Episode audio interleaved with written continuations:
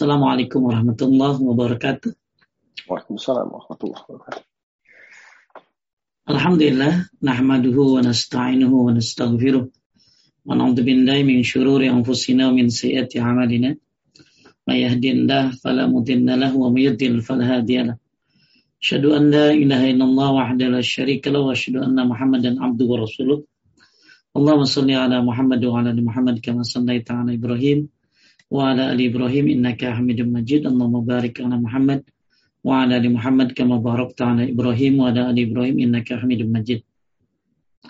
Amma ba'du fa inna asdaqal hadis kitabullah wa iral hadi hadi Muhammadin sallallahu alaihi wasallam wa syarrul umur muhdatsatuha wa kullu muhdatsatin bid'ah wa kullu bid'atin. Alhamdulillah pada hari ini Allah muliakan kita dengan menuntut ilmu Semoga dapat ilmu yang manfaat, dapat ampunan dari Allah Subhanahu wa taala dan bisa menjadikan ilmu tauhid ini sebagai bekal dalam kehidupan kita sehari-hari. Uh, dan semoga dimudahkan semuanya uh, masuk ke dalam surga ini Allah Subhanahu wa taala. Karena salah satu kunci surga adalah dengan tauhid. Bapak Ibu sekalian menaikkan Allah Subhanahu wa taala kita masih di pelajaran bab 7 yaitu tentang makai jimat ya. Kita paham sekali khususnya di negara kita banyak sekali jimat-jimat bertebaran. Ya, dan saya sudah tak pernah lihat kan seperti apa jimat-jimat dan lain sebagainya. Dan memang dalam pelajaran tauhid ini kita tidak hanya yang namanya uh, apa belajar tentang yang namanya uh, tauhid yaitu mengesahkan Allah. Tapi juga kita harus mengetahui lawan dari tauhid yaitu syirik. Maka Syekh Anda Masalil Fauzan hafizahullah menjelaskan uh, la yakfi ya tidaklah cukup annal insana ya'rifu tauhid wa ya'malu bihi bal budda an ya'rif diddu. Tidaklah cukup bagi seorang hanya mengetahui tauhid dan mengamalkannya. Bahkan dia harus mengetahui lawan dari tauhid. Ya, apa lawan dari tauhid? Yaitu wahwa syirik. Yaitu kesyirikan. Kenapa? Ya, karena khasya ayyaqa fihi wa yufsidu alaihi tauhid. Karena ditakutkan, ya, dikhawatirkan dia terjerumus ke dalam kesyirikan dan merusak tauhidnya. Jadi kita belajar tauhid itu bukan hanya belajar tentang mengesahkan Allah Subhanahu wa taala ya tapi juga belajar kita harus mengetahui juga apa lawan daripada tauhid yaitu kesyirikan. Sebab dikhawatirkan syirik ini akan menyebabkan terjerumus ke dalamnya dan merusak tauhidnya. Sebagaimana sering ayat yang saya sampaikan, "Lau asyraku la bitu anhu ma kanu ya'malun." Kalau kalian syirik, hilang amal yang telah kalian lakukan. Lain asyrakta la yahbatanna amaluk. Kasihan banget ya kalau ternyata uh, kita hanya belajar tauhid saja tapi tidak belajar syiriknya, lawannya. Ya, ditakutkan nanti kesyirikan ini akan menghancurkan amal-amal ibadah kita dan bisa menghancurkan segala uh, apa yang sudah kita pelajari. Maka pada kali ini kita masih belajar tentang bab 7 ya di uh, poin yang terakhir ini tentang masih tentang masalah jimat. Saya akan share screen.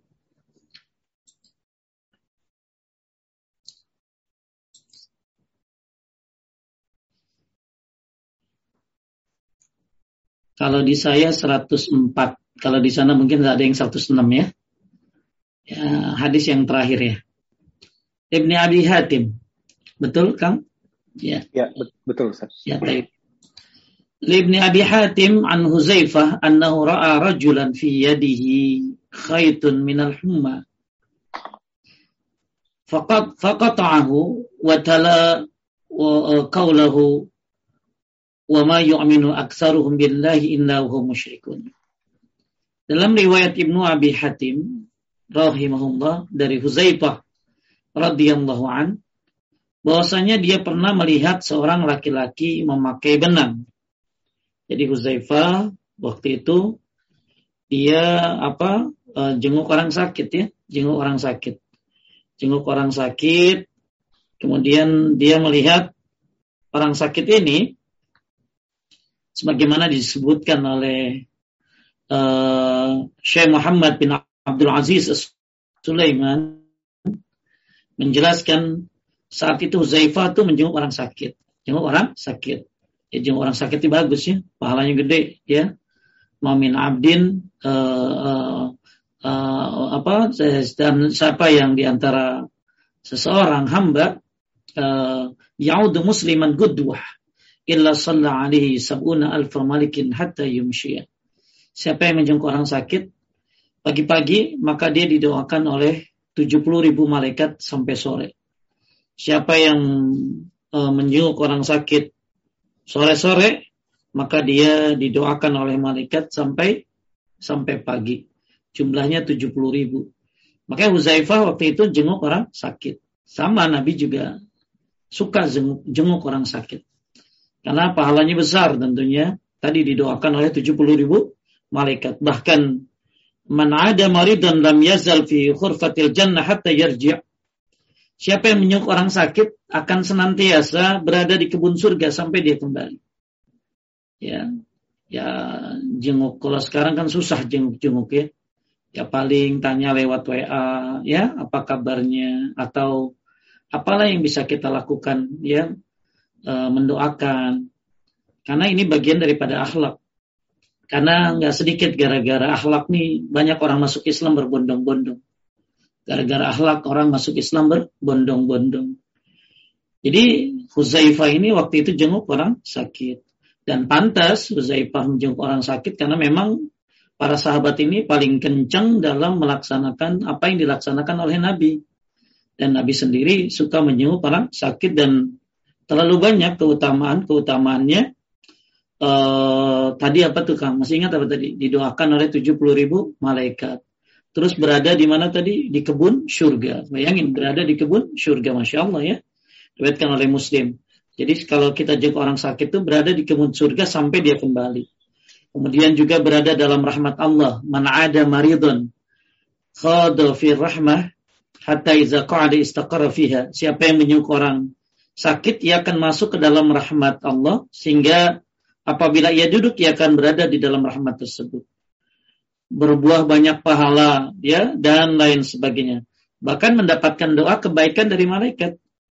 Ya, barang siapa man atahul muslim aidan uh, masyafi kharafatil jannah hatta yajris.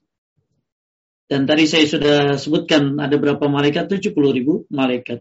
Penyebab masuk surga juga, Masya Allah. Jenguk orang sakit ini termasuk ya bagian daripada penyebab masuk surga. Man ada maridan aw zara akhan lahu fillah fillah nadahu munadin an tibta wa taba mamsyaka wa tabawwa'ata minal jannati manzilan. Siapa yang menyuruh orang sakit uh, atau berkunjung kepada saudaranya karena Allah, maka akan ada penyeru yang berseru. Apa kata penyeru tadi? Alangkah baiknya dirimu, alangkah baiknya langkahmu. Engkau telah menempati tempat tinggal di surga. Ya, engkau telah menempati tempat tinggal di surga diriwayatkan oleh At-Tirmizi. Nah, ketika beliau sedang menyenguk orang sakit ini, beliau melihat uh, orang ini sebagaimana yang dijelaskan oleh Syekh Muhammad bin Abdul Aziz Sulaiman menjelaskan ketika Zaifah menyenguk orang sakit dan beliau melihat ada benang yang melingkar di tangannya. Ya, jadi melihat ada benang melingkar di tangannya. Uzaifah kemudian bertanya tentang tujuan pemakaian benang itu. Sama orang itu ditanya, ya. Nah, jadi ya nanya dulu ya. Siapa tahu itu cuma apa sih? Cuma gaya-gayaan kali ya. Ya. Nah, ini ditanya ya tentang tujuan pemakaian benang itu. Orang itu apa? Pemakaian gelang dari benang itu. Maka orang itu menjawab untuk menghilangkan penyakit panas. Jadi dia pakai jimat berarti itu. Ya orang orang ini mah ya amar ma'ruf nahi mungkar tuh yang uh, amar ma'ruf nahi mungkar tuh ya harus ya. Cuman kalau di kita mah kadang-kadang teh nggak enakan ya Kang ya. Nggak enakan gitu ya. orang sakit ya, orang sakit ditanya, ini apa gitu. Makanya dalam salah satu video konten saya di YouTube, uh, saya menggambarkan tentang orang sakit, tapi di belakangnya ada jimat gitu loh. Jadi ternyata memang ada orang-orang yang sakit, udah sakit badannya, tapi sakit akidahnya. Eh double jadi tuh. Udah sakit badannya, sakit akidahnya. Dia sakit badannya, terus pakai jimat lagi. Maksudnya dia dapat berobat entah dari dukun, dari oknum-oknum yang kemudian bilang pakai ini biar sakitnya mereda gitu loh. Ya akhirnya saya bilang udah sakit badannya, sakit akidahnya. Hati-hati ya nggak sedikit loh orang orang tuh syirik bisa gara-gara sakit tuh kan. Ya, jadi mungkin dia sakit ya udah lama ya Kang ya. Terus ini cari pengobatan kan, ya kan? Cari pengobatan. Uh, saya tanya sama Kang Rashid deh. Kang Rashid kalau sakit di London, uh, biasanya orang-orang London, ya teman-teman bule atau orang-orang Indonesia nyarinin nyaranin akan ke mana? Ke rumah sakit. Apakah alternatif? Nah, ke rumah sakit. ya, ya. Tapi kalau di Indonesia misalnya ya, ada orang sakit, wih sarannya banyak banget kan? Ya, ke ini, ke ini, ke ini, ke ini. Waduh, apa aja disaranin. Makanya ada ada saya punya teman ya, uh, apa? Dia waktu sakit di mana ya? Di Bela, di Belanda apa ya? Dia uh, apa? Dia pulang ke Indonesia, Kang. Dia karena kena kanker ya. Wah, itu sarannya banyak banget, Kang. Ke Ki Anu, ke Joko Anu, ke ini, ke ini Akhirnya dia pulang lagi ke luar negeri. Kenapa? Puyeng gitu dia. ya, karena yang disarankan kan ini itu ini itu dan lain sebagainya. Ya, ya nggak apa-apa berobat alternatif asalkan itu ilmiah masuk akal gitu Tapi kalau berobat alternatif cuman begini doang Kang.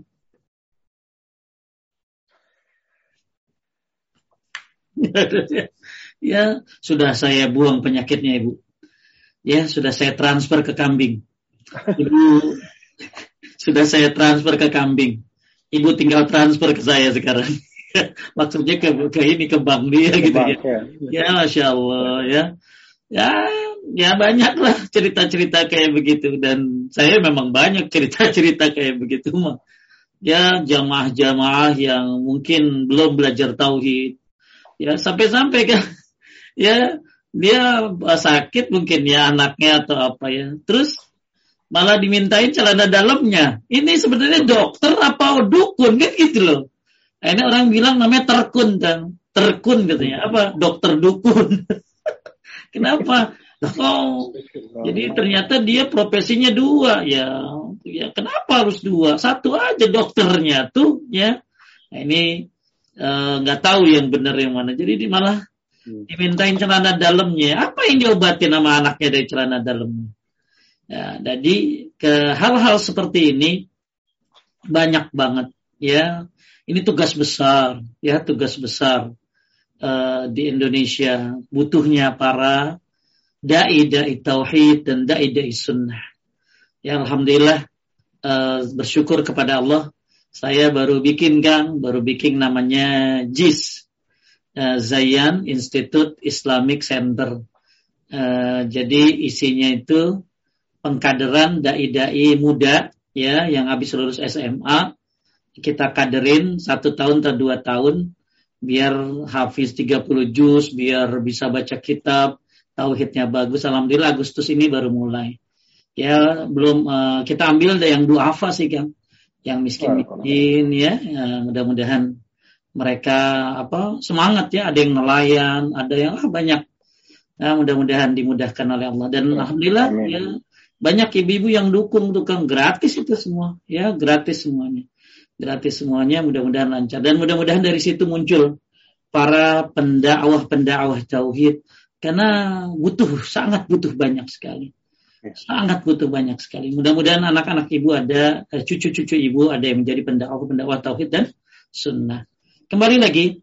Jadi ketika uh, Muaz melihat eh maaf Huzaifah ya. Huzaifah Akhirnya begitu dia nanya begitu kan dijawab sama yang sakit itu. Ya, laki itu ternyata bilang apa?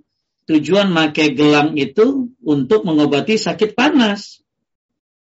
Maka apa yang dilakukan oleh Huzaifah? Fakatahu udu. Ajib nih kan. Ya, di langsung diapain? Di dipotong ya, diambil, diputusin lah. Diputusin apanya? Jimatnya tuh, masya Allah. E, benang terus dia e, terus kemudian e, kenapa Huzaifah Huzaifah melakukan itu? Karena dia tahu bahwa itu suatu perbuatan syirik. Orang uh, ya benang kagak ada ilmiahnya kan. Ya, lalu dipakai buat pengobatan. Ya, ilmiah enggak, syar'i tidak. Secara kedokteran enggak ada, secara syar'i juga tidak ada di Quran dan Sunnah. Maka diambil oleh Huzaifah. Nah ini amar ma'ruf nahi mungkar nih kan. Enak ya. Kalau orang-orangnya tuh pada berilmu tuh ada yang salah tuh langsung di, ditanya apa ini. Itu salah tuh langsung diapain Kang? Diambil, apa diputusin. Ya, kalau di kita mau pakai maaf maaf kali kan? Maaf ya, maaf ya, maaf ya ya. maaf ya, maaf ya. Karena mungkin gak enakan ya. Nah, uh, pernah terus uh, kayak Umar bin Khattab kan. Umar bin Khattab itu waktu dia masuk masjid banyak orang sholat nggak menghadap tiang Kan sunnahnya kan ngadep sutra kan ya kalau sholat itu. Akhirnya sama Umar diapain Kang? Diambil tengkuknya di dijalanin tuh ke tiang. Ya, kalau Umar Umar bin Khattab datang ke Indonesia gimana tuh Kang lihat orang-orang sholat pada mencang-mencar. Ya, mungkin tengkuk-tengkuknya pada diambilin kali. Ya, masya Allah, amar ma'ruf nahi mungkar ya harus ya. Apalagi ini bukan masalah biasa, ini masalah syirik loh. Gimana kalau yang mati tadi yang pakai gelang kan? Yang pakai gelang ini akhirnya mati dalam keyakinan dia menyekutukan Allah. Dalam keyakinan bahwa ini gelang bisa nyembuhin dia. Kan orang pakai jimat itu dua, bisa syirik besar, bisa syirik kecil.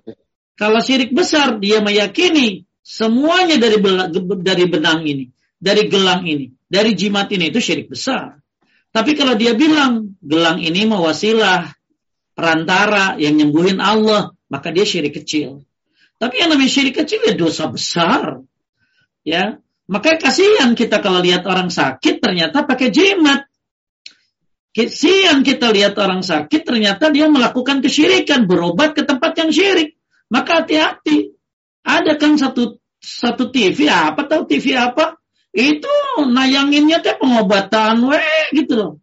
Ya kalau pengobatannya dokter mah bagus satu ya pengobatannya ilmiah ya kemudian pengobatannya tradisional tapi masuk akal ya alternatif tapi memang diakui gitu ya masuk akal. Nah, ini apa aja pengobatannya? Nah, ini banyak tuh. Ibu-ibu yang sakit di kampung nonton TV itu. Kemudian kan telepon anaknya minta anterin dong. Anterin berobat ke situ. Lah anaknya udah ngaji tauhid bingung ke dia kan aduh ya ya. Mami mami tahu dari mana? Itu dari TV ya dari TV ada iklannya tuh bisa nyembuhin ini bisa nyembuhin itu. Ya makanya nah si anaknya harus pinter-pinter nih. Mi kalau mau berobat nih ada nih yang bagus nih. Ah itu mah kalah mi. Ya bawa dia ke dokter tuh. Ya harus pinter-pinter. Jadi Nauzubillah ya saya kak saya saya ada cerita ya semoga Allah mengampuni dosanya ya. Tapi mudah-mudahan dia udah tobat ini cerita dari so, saya dari jamaah yang suka manggil ustadz kan. Hmm. jadi ustadz ini ngajar suka ngajar di masjidnya. Tapi kemudian begitu dia sakit dia minta tolong sama jamaahnya itu yang cerita ke saya untuk dianterin ke dokter yang bukan dokter gitu loh. Ya entah dukun entah apa Lalu dia cerita sama saya, kok dia mau ya berobat ke tempat itu loh gitu loh. Padahal katanya labelnya ustadz gitu. Nah ini hati-hati ya, kita kan bakalan sakit ya kan ya. Kita bakalan sakit karena sakit itu kan memang bagian hapus dosa daripada dosa-dosa kita kan dihapuskan dengan sakit. Jangan sampai udah sakit badan, sakit akidah. Akidah. Eh, toto mati lagi dalam keyakinan bahwa ini bisa menyembuhkan.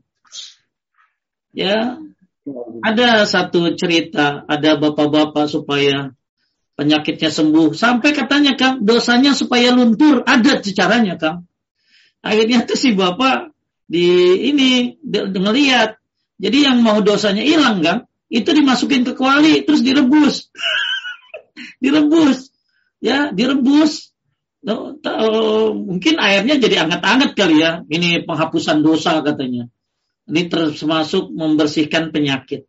Banyak model-model kayak gitu dan cerita-cerita kayak gitu oh, luar biasa berseliweran dan ketika anda sakit nggak kuat akidahnya pengen sembuh ada orang sembuh ada orang berobat ke dukun sembuh ada nggak kan ada ya kan ada yang diridhoi ada yang diizinkan kalau yang diridhoi ya berobatnya sesuai jalur yang diajarkan tapi kalau yang diizinkan tidak diridhoi bisa jadi dia melakukan hal-hal yang yang yang uh, yang tidak sesuai dengan syariat.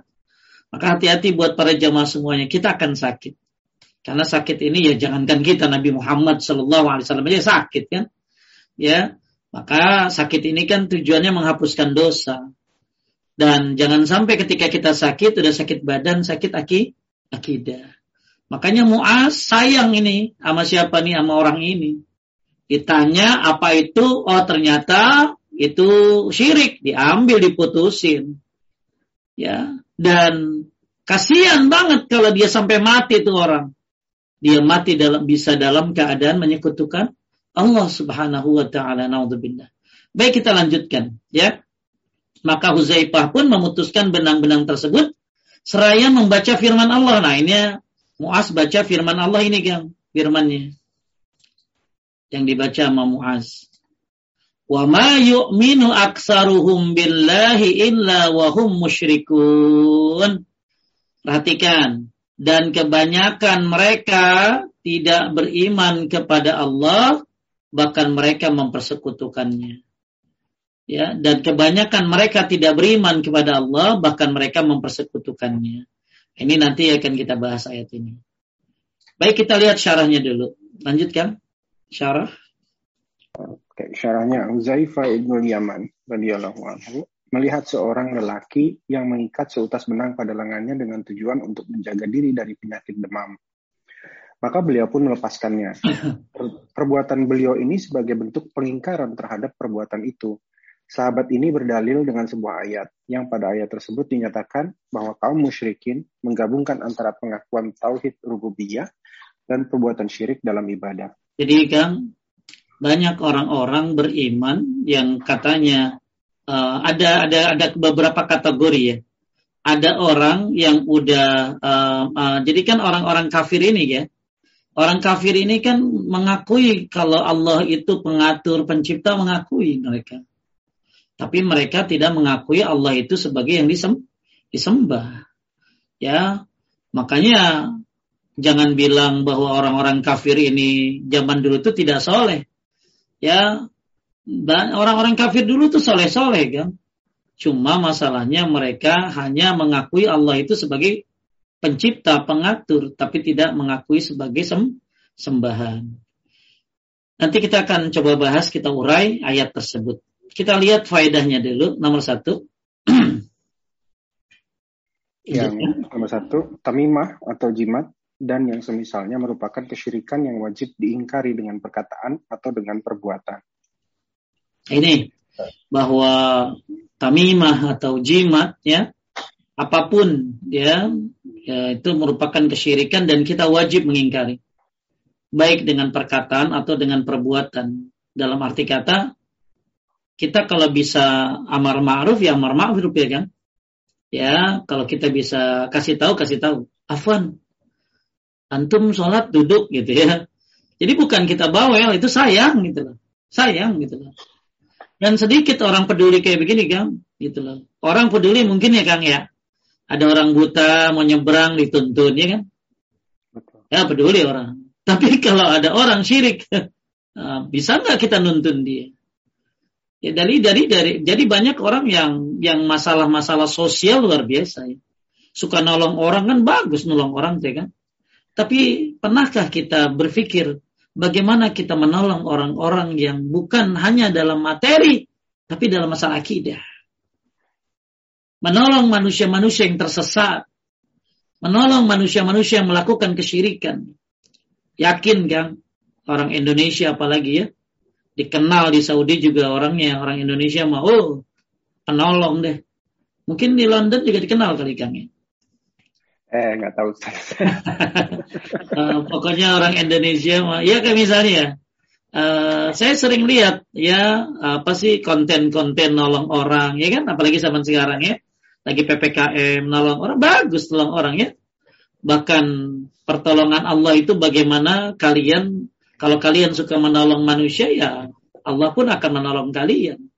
Cuma pertolongan ini ada dua kan pertolongan bersifat lahir dan pertolongan bersifat batin. Kalau pertolongan bersifat lahir, orang kelaparan, kasih makan, bagus. Tapi kalau pertolongan bersifat batin, orang melakukan kesyirikan, dikasih tahu. Ya, nolong orang, ya gila, nggak pakai baju, bagus. Tapi menolong manusia yang apa, yang melakukan perdukunan, ya berusaha mengeluarkan dari tempatnya. Nah, ini suatu amal yang luar biasa. Jadi mudah-mudahan kita bisa menolong manusia itu kan bukan hanya dari segi lahir saja, tapi dari segi batin. Nah, inilah yang dilakukan oleh karena gini Kang, karena e, najis itu ada e, e, toharoh itu ada dua, toharoh lahir, toharoh batin. Kalau toharoh lahir itu wudhu, tayamum, mandi junub itu toharoh lahir. Tapi kalau taharah batin, itu manusia bebas dari syirik. Ya. Maka ketika kita uh, apa lihat firman Allah innal musyrikuna najasun. Orang musyrik itu najis. Maksudnya najis apa? Akidahnya. Maka kesyirikan itu najis gitu. Maka kita bersihkan diri kita dengan cara batin kita dengan menjauhkan dari kesyirikan, lahir kita dengan wudhu, mandi junub, jadi banyak orang nolong orang, alhamdulillah, masya Allah ya, apalagi saat ppkm ini, nolong secara apa, secara cara makanan, uang, alhamdulillah. Tapi kalau yang nggak bisa gimana, ya, tapi punya ilmu, bagus. Nolong manusia yang dari terjebak dalam kesyirikan. Nah, eh, ini termasuk tugas ya, eh, karena gini kayak gini Orang taunya bencana itu kan gara-gara sebab yang kelihatan kan. Sebab apa bencana tuh banjir gara-gara ini kan gitu kan. E, apa nih gara apa e, kenapa e, apa banjir pasti ini gara-gara solokan begini-begini. Orang selalu berpikirnya secara secara bat secara lahir ya. Padahal salah satu sebab musibah adalah karena kesyirikan. Ya, Bahkan gara hujan tidak turun kalau orang nggak bayar zakat. Ya, e, kalau bukan karena binatang ternak, Allah tidak turunkan hujan. Kalau bukan karena binatang ternak, laulal bahaim lam yum lam yumtiru. Kalau bukan karena binatang ternak, Allah tidak turunkan hujan. Kenapa? Karena salah satu sebab tidak turunnya hujan karena banyak orang yang tidak bayar zakat. Nah, jadi kembali lagi bahwa Ketika kita melihat sesuatu ya orang susah, bagus kita tolong. Tapi jangan lupa tolong juga kalau ada orang yang mungkin tersesat jalannya. Seperti mungkin tadi, ya dia nggak sholat, kita dia ngaku Islam nggak sholat, jadi kasih tahu lah. Apalagi itu saudara ya kan, ya. Kalau misalnya apalagi dia kedukun, ya kita kasih tahu. Ya kadang-kadang saya tuh kalau ngajar suka dikasih tahu ada apa sih pembisik-pembisik gitu loh kan. Tat, si Anu hadir tuh yang suka rajin ke dukun. Ya, nah saya masukin dikit gitu ya. Ya, ada pesanan-pesanan begitu ada kadang. Apalagi kalau kajian keluarga ya kan. ya, ya. Kajian keluarga ya. ada aja tuh. Iya kan? Karena, karena akan mungkin sulit ngajar dia, tapi bisa lewat orang lain. Oh, Ustadz mumpung dah. Ya, mumpung dah. ya, cuman ya harus kudus-kudus sabar aja itu mah.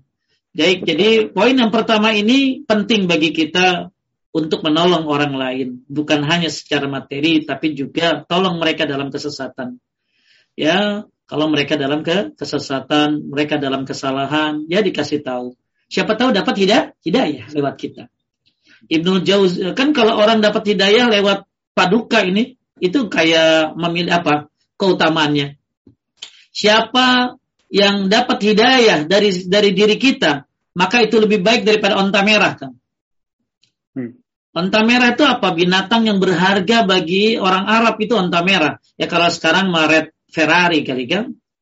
Ya. ya Wow, dan alhamdulillah sebab kajian paduka banyak yang belajar fikih sama Aminur Bait, banyak yang belajar akidah sama apa Salim Gibas, banyak yang belajar akhlak mungkin lewat Ustadz Safik, dan banyak yang belajar apa apa fikih lewat siapa lewat Ustadz Firanda dan lain sebagainya. Ya, banyak orang dapat hidayah lewat kajian paduka, anggap 100 100 orang, maka 100 itu 100 onta merah buat para pengurus. Masya Allah. Ya, Ibnu Jauzi, Ibnu Jauzi, Ibnu Jauzi itu orang-orang Islam yang masuk lewat dia 100 ribu kan. Orang-orang Yahudi Nasrani yang masuk Islam lewat dia 100 ribu. Masya Allah, berarti ontanya udah 100 ribu ya. Terus orang Islam yang tobat lewat dia 20 ribu. Ya, itu onta merah dia tuh kan. Berapa onta merah kita? Itu pertanyaannya. Berapa onta merah kita? Makanya kita perdalam agama, apalagi ini sesuatu yang penting ya, sesuatu yang penting. Agama ini ini pembahasan tau tauhid. Ya, tauhid didalemin ya. Ya, siapa tahu ya ada teman lagi kok nongkrong-nongkrong bisa dikasih tahu dikit-dikit. Minimal kasih buku kecil-kecil. Kan bisa jadi hidayah siapa tahu nanti. Atau ceramah-ceramah link-link yang bagus. Nah, ini termasuk kita jadi gini, kita beramal sendiri capek, Kang. Ya. Kita beramal sendiri capek. Bagaimana caranya kita dapat pahala dari orang lain? Jadi orang lain dapat dapat ilmu dari kita, kemudian akhirnya dia dapat hidayah, eh, pahalanya kan buat kita. Nah ini pentingnya yang namanya umur kedua kata Ibnu Qayyim kan. Umur kedua. Ya, umur kedua itu apa? Umur kedua itu anda mengajarkan orang lain, berdakwah kepada orang lain, kemudian orang lain itu mengamalkan, eh kita mati, pahalanya terus berjalan walaupun kita udah mati. Nah ini tuh umur kedua namanya. Baik, kita harus ingkari kesyirikan. Kita harus ingkari yang namanya jimat-jimat. Maka kalau kita bisa kasih tahu, kasih tahu. Ya, jangan sampai cicing baik gitu loh. Padahal temennya ya harus kasih tahu. Kalau anda sayang sama dia, emang mau dia masuk neraka gitu? Ya enggak lah, SMP, SMA, bareng-bareng suka duka, eh gitu dia pakai jimat dibiarin aja. Kagak enak gua ngasih tahu gitu loh. Ya ini ya perasaan gak enak tuh ya boleh ada, tapi demi sayang kita ya harus dikasih tahu. Lanjut nomor dua. Nah, Nah, nomor dua dibenarkan berdalil dengan ayat mengenai syirik besar untuk ditempatkan pada syirik kecil. Ya sebenarnya tadi ini ayat surat Yusuf ayat 106 ini adalah untuk kebanyakan mereka tidak beriman. Nah mereka kan berarti tidak beriman berarti dan mereka bersyukur Allah syirik besar. Tapi dimasukkan kepada masalah syirik kecil. kecil ya kan ayat Yusuf ini ayat 106 ini kan dalil untuk syirik besar tapi dimasukkan ke dalam syirik kecil karena memang sama-sama syirik ya gitu. Lanjut nomor tiga. Uh, yang ketiga kesempurnaan ilmu para sahabat Nabi radhiyallahu anhuma tentang tauhid hal-hal yang bertentangan dengan tauhid itu sendiri dan juga mengenai apa-apa yang dapat merusak kesempurnaannya. Ya, kita harus belajar apa yang membuat tauhid kita nggak sempurna. Makanya belajar tauhid itu bukan apa supaya kita mengesahkan Allah saja, tapi juga supaya tahu apa syirik-syirik itu, ya syirik-syirik itu apa aja. Kemudian dalam pelajaran tauhid juga diajarkan bagaimana tauhid itu bisa bertambah, bisa berkurang. Jadi para sahabat Nabi ini masya Allah ya, ini tauhidnya bagus-bagus. Akan tetapi Nabi takut mereka melakukan kesyirikan. Mereka tak, Nabi takut loh para sahabat melakukan kesyirikan ya. Maka Nabi ngajarin doa gitu loh supaya kita dihindari dari kesyirikan bayangkan Nabi Ibrahim kita udah pernah bahas Nabi Ibrahim takut syirik. Ya Nabi Muhammad takut syirik Sallallahu Alaihi Wasallam. Para sahabat juga takut syirik. Makanya dakwah yang diajarkan kepada para sahabat pertama kali adalah tauhid. Maka para para sahabat ini luar biasa tauhidnya. Mereka belajar tentang tauhid semaksimal mungkin, bahkan mereka juga mengetahui apa yang membuat manusia rusak kesempurnaan tauhidnya. Maka dalam belajar tauhid itu kita bukan hanya belajar tentang jadi belajar di tauhid selesai ulangi lagi, selesai ulangi lagi. Emang ditanya jawab satu ngerti apa semua ingat? ya, emang ditanya bab satu ingat gitu? Ada orang kan datang sama saya anak muda, saya udah belajar kitab Fatul Majid, oh, keren, kitab Fatul Majid, tebal. Terus saya bilang begini, coba sebutkan satu ayat, satu hadis dalam kitab Fatul Majid. Itu kan banyak ayat hadis di kitab itu. Boro-boro dia bisa ngeluarin. Ya, nah ini banyak orang makanya nanti kita kalau udah uh, tamat ya ya ya ulangi lagi gitu jangan merasa oh udah selesai tat hatam tauhid gaya we begitu ditanya bedanya syirik besar sama syirik kecil apa ah apa ya? Ah ini ya bedanya syirik besar besar. Langsung deh Google ya. Ini. Jadi uh, kita harus tahu kita harus belajar tauhid dan kita juga harus tahu apa yang merusak kesempurnaannya. Makanya di dalam tauhid juga diajarkan apa tuh? Ya bagaimana mengenal Allah dan perbuatannya. Ya bagaimana juga membahas uh, bahwa tauhid ini menjadi sebab ya keamanan sebuah negara bagi, uh, dibahas juga ya bagaimana cara masuk surga tanpa hisab tanpa azab maka banyak yang dibahas dalam kitab Tauhid. Makanya kalau yang lain punya rizki ya, punya rizki, beli tuh kitabnya Ustaz Firanda, bagus tuh Tauhid tiga jilid. Ya, syarah kitab Tauhid. Kalau yang kita bahas kan yang Ustaz Yazid nih ya. Ya ini kan satu jilid yang. Kalau Ustaz Firanda tiga jilid tuh. Ya, kalau yang memang benar-benar pengen belajar, baca deh. Ya, mudah-mudahan ibu-ibu, bapak-bapak bisa mencapai tauhid yang sempurna. Karena Apabila tauhid kita sempurna, maka ampunan Allah pun akan sempurna buat kita. Ya kan saya pernah bahas, ya. Uh, jadi uh, yabda Adam lau ataitani bi karabil ardi khotoya summa lakitani la tusyrik bi syai'a la taituka bi karabiha maghfirah. Hei anak Adam, mau andai engkau datang ke hadapanku dengan dosa sepenuh bumi, tapi kau tidak menyekutukan aku, maka aku datang, aku akan ampuni kamu dengan ampunan sepenuh bumi pula. Makin hebat tauhid kita, makin ampunan Allah menyeluruh kepada kita. Maka belajarlah bukan hanya mengesahkan Allah, tapi juga belajarlah apa yang membuat manusia jadi tidak sempurna tauhidnya. Apa kesyirikan-kesyirikan. Maka yang kita bahas ini hadis tentang siapa kan Huzaifah ya. Huzaifah ini termasuk sahabat yang pernah nanya tentang keburukan kan. Kalau orang nanyanya kan tentang kebaikan, dia nanya tentang keburukan tuh Huzaifah itu. Kenapa Huzaifah bertanya tentang keburukan? Supaya tidak terjebak, tidak termasuk di dalamnya. Kan kalau kita tahu keburukan sesuatu, maka kita akan menghindarinya. Ya, maka kata tadi saya di atas dibahas bagaimana perkataan dari Syekh siapa tadi Fauzan bahwa uh, kita bukan hanya belajar tauhid dan mengamalkannya saja, tapi juga harus mengetahui lawan dari tauhid yaitu syirik. Maka uh, kita belajar apa aja yang membuat tauhid itu jadi rusak dan tidak sempurna ya. Nah ini maka uh, sebelum tidur baca uh, supaya sebelum tidur baca al-kafirun bagus tuh ya. Kuliah ya al-kafirun fa inna bara'atu minasyirik itu membebaskan kamu dari kesyirikan. Nah itu banyak amalan-amalan yang kita uh, supaya tauhid ini sempurna, tapi juga ada hal-hal uh, yang harus kita hindari agar tauhid kita sempurna. Ya, lanjut nomor empat kan. Uh, yang keempat, wajib mengingkari kemungkaran bagi siapa saja yang mampu menghilangkannya. Eh, ya, jadi wajib mengingkari kemungkaran bagi siapa saja yang mampu menghilangkannya. Kan man ra'a minkum munkaran falyughayyir biyadih.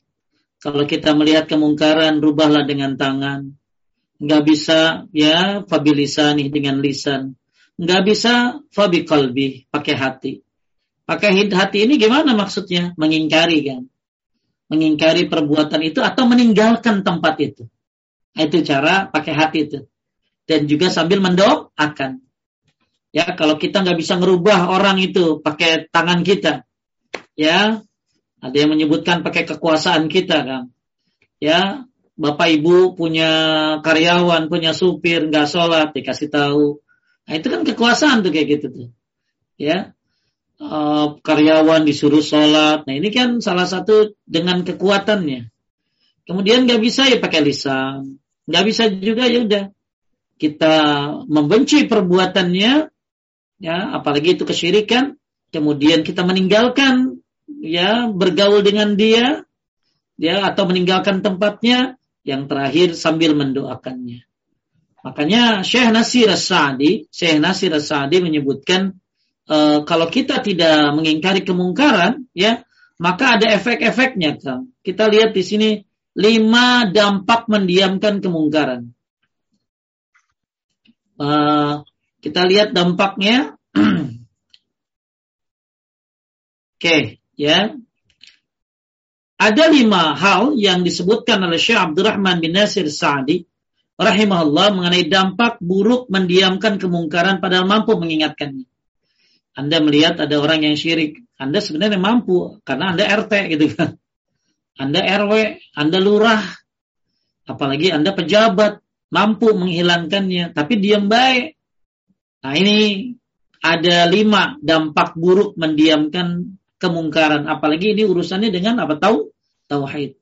Ya boleh kan? Nomor satu mendiamkan kemungkaran. Ya, mendiamkan kemungkaran akan dinilai sama seperti orang yang melakukan maksiat, walau tidak melakukannya secara langsung.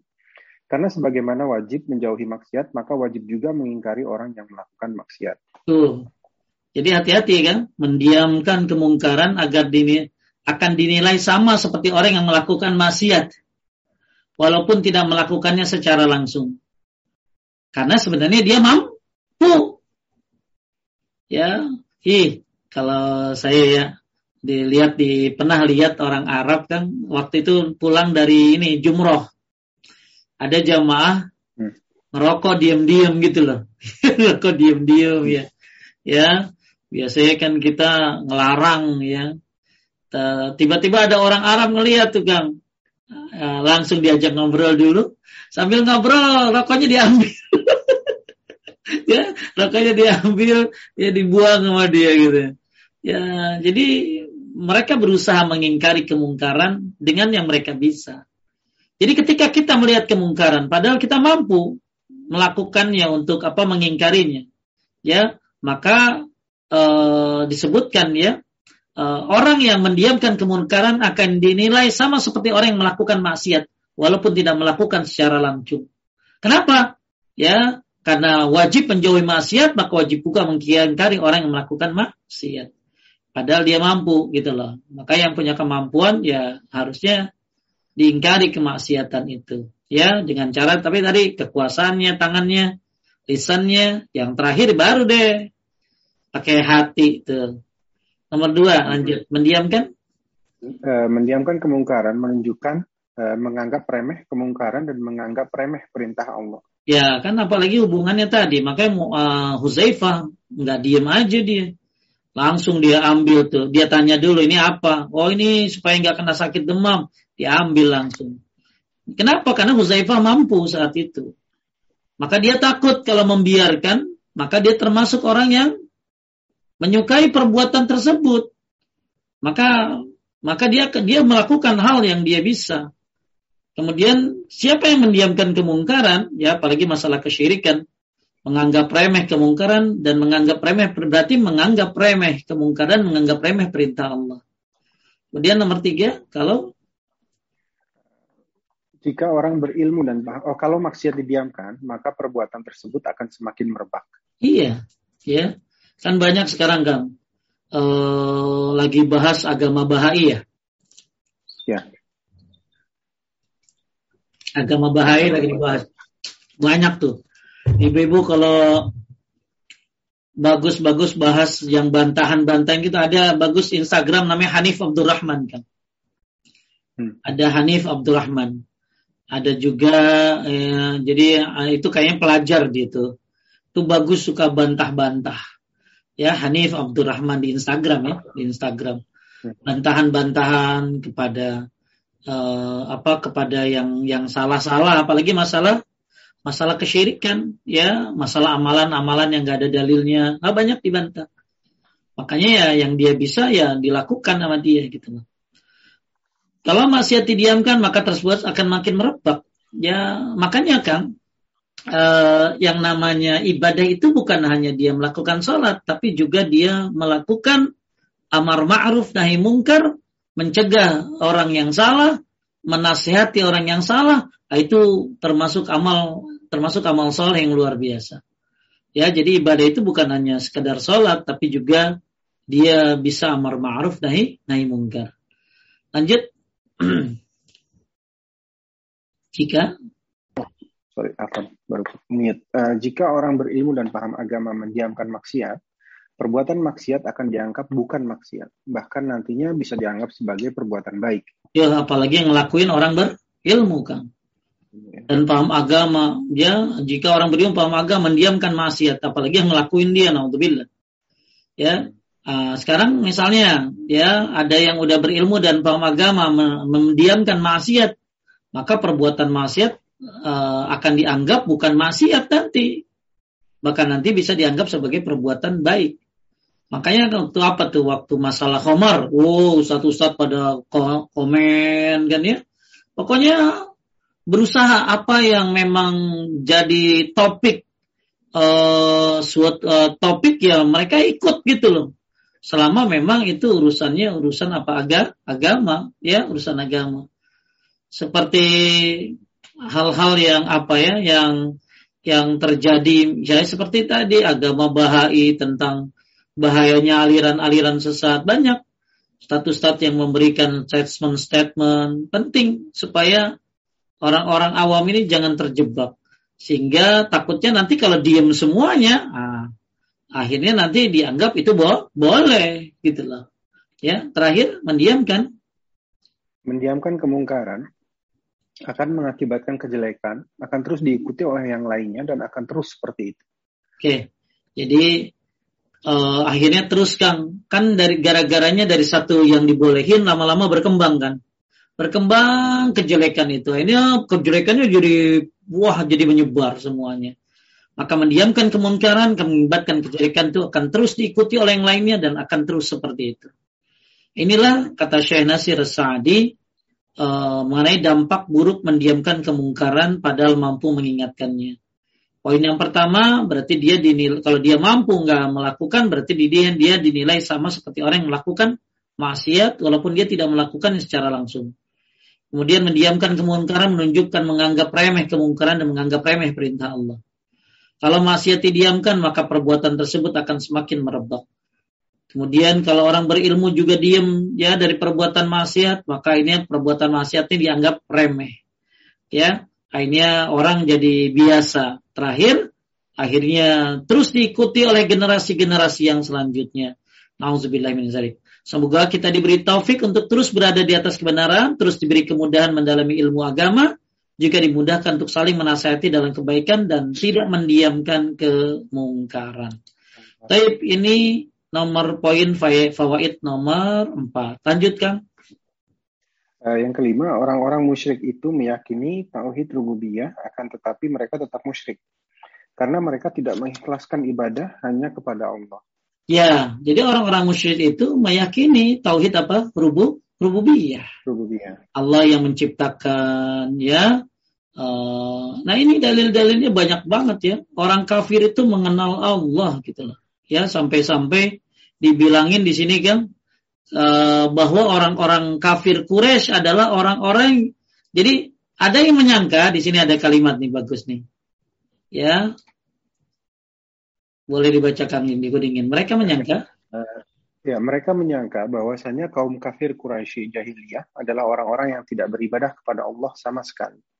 Atau lebih parah lagi mereka mengira bahwasanya kaum kafir Quraisy adalah orang-orang yang tidak beriman tentang adanya Allah. Duhai, tidakkah mereka memperhatikan ayat Al-Quran dan lembaran sejarah yang tercatat rapi dalam kitab-kitab hadis? Ya, jadi kaum kafir, jadi jangan nganggap kafir Quraisy itu dulu itu orang-orang yang nggak kenal Allah. Mereka tuh orang-orang yang men, apa, mengenal Allah. Bahkan mereka itu orang-orang yang beriman kepada Allah. Akan tetapi mereka hanya meyakini Allah sebagai pencipta, pengatur, itu tauhid rububiyahnya saja. Makanya kita lihat nih ayat-ayatnya nih. Kaum kafir Quraisy betul-betul mengenal Allah. Satu nih ayatnya nih. Qul man yarzukukum minas sama'i wal ardi amman yamliku sam'a wal absar. Wa man yukhrijul hayya minal mayyit wa yukhrijul mayyita minal hayy. Wa man yudabbirul yudabbirul amra fasayakununa Allah. Faqul afala tattaqun. Artinya kan? Katakanlah, siapa siapakah yang memberi rizki kepadamu dari langit dan bumi? Atau siapakah yang kuasa menciptakan pendengaran dan penglihatan? Dan siapakah yang mengeluarkan yang hidup dari yang mati dan mengeluarkan yang mati dari yang hidup? Dan siapakah yang mengatur segala urusan? Tuh, di sini siapa maka yang mengatur segala urusan? Maka mereka menjawab apa? Allah. Allah. Terus? Ya. ya, maka katakanlah mengapa kamu tidak bertakwa kepadanya. Tuh, jadi ya, jadi mereka tuh beriman ya Kang ya. Jadi mereka tuh begitu ditanya siapa yang menciptakan, ya, siapa yang mengeluarkan yang hidup dan yang mati, mereka siapa yang ngatur segala urusan, mereka jawabnya Allah. Tapi kenapa mereka menyemal, uh, tapi kenapa mereka tidak bertakwa kepada Allah? Nah ini, jadi jangan disangka bahwa mereka ini tidak percaya kepada Allah, mereka percaya gitu. Maka kita belajar tauhidnya yang sempurna gitu kan. Ya, ya. jangan cuma tauhid rubu rububiyah. Gitu ditanya Allah. Eh, lihat gunung indah, masya Allah, la haula wala quwata illa billah. Begitu naik sepeda, wah nggak sanggup nyampe atas, jikir ya. Pokoknya merak meyakini semuanya milik Allah. Eh, tiba-tiba di sepedanya ada gantungan ya ini apa nih jimat biar kagak ketabrak sama truk katanya jadi satu sisi banyak orang kan mengakui Allah sebagai pencipta dan lain sebagainya tapi mereka melakukan kesyirikan dengan cara pergi ke dukun lihat ramalan bintang ya berarti kan banyak orang yang beriman tapi ternyata ber, melakukan kesyirikan juga gitu loh Makanya kita disuruh ngapain? Alladzina amanu walam yalbisu imanahum bizulmin ulaika lahumul amnu wa muhtadun. Orang yang beriman, tuh beriman. Tidak mencampur adukan imannya dengan kezaliman atau syirik. Mereka akan dapat keamanan, mereka akan dapat petunjuk. Jadi berarti ada orang beriman tapi dicampur. Saya beriman tat sama Allah. Ya, tapi tiap tahun baru kan Padahal itu ibu katanya udah pakai hijab syari. Nanya sama dukun, bagaimana masa depan saya di tahun ini? Masya Allah. Ya, nah ini ya hijrah itu bukan hijrah benerin baju doang. Hijrah penampilan tapi hijrah dari kesyirikan. Jadi orang-orang kafir Quraisy mereka percaya kepada Allah. Bahkan kalau ditanya siapa yang nyiptain yang atur semua orang, Allah. Tapi kenapa mereka menyekutukan Allah? Karena hanya percaya Allah sebagai pencipta, bukan Allah yang disembah. Makanya banyak juga orang kita sholat kang rajin sholatnya jemaah ke masjid. Oh luar biasa, rajin. Tapi begitu ya begitu lagi covid begini, ayo tolak bala, ya potong kambing, ya biar tolak bala. Ah ini jadi satu sisi banyak yang beriman kepada Allah dalam hal penciptaan. Maka kita kenapa bahas belajar tauhid yang sempurna? Ya, bukan hanya tauhid rububiyah, tapi juga ada tauhid uluhiyah, ada tauhid asma sifat. Nah, ini dalil yang kedua nih. Kita lagi belajar poin yang ini nih kan, poin yang kelima nih. Orang musyrik itu meyakini tauhid rububiyah. Akan tetapi mereka tetap musyrik karena mereka tidak mengikhlaskan ibadah hanya kepada Allah. Dan ternyata saya lihat ada orang-orang yang katanya sholat, puasa, tahajud rajin, tapi juga ternyata menyekutukan Allah Subhanahu wa taala. Bedanya kalau orang kafir ini nggak ngaku Islam, Kang. Ya, kalau zaman sekarang ngaku Islam. Saya Islam. Tapi ternyata ya luar biasa. Ya, followersnya Nyiroro Kidul. Ya, followersnya eh, dukun-dukun. Ya, ternyata dia sholat, puasa, tapi ternyata dia menyekutukan Allah. Nah, sekarang kita lihat bahwa orang kafir dulu juga begitu. Cuma orang kafir dulu hanya beriman saja kepada Allah sebagai pencipta. Nah, dalil yang kedua, wala in man khalaqahum la yakulunallahu fa anna yufakun. Lanjutkan. Dan dan, dan sungguh jika kamu bertanya kepada mereka, siapakah yang menciptakan mereka? Niscaya mereka menjawab Allah. Maka bagaimanakah mereka dapat dipalingkan dari menyembah Allah? Nah, ini dua ayat tuh. Jadi ternyata mereka juga uh, mengakui Allah sebagai pencipta, tapi mereka berpaling dari Allah.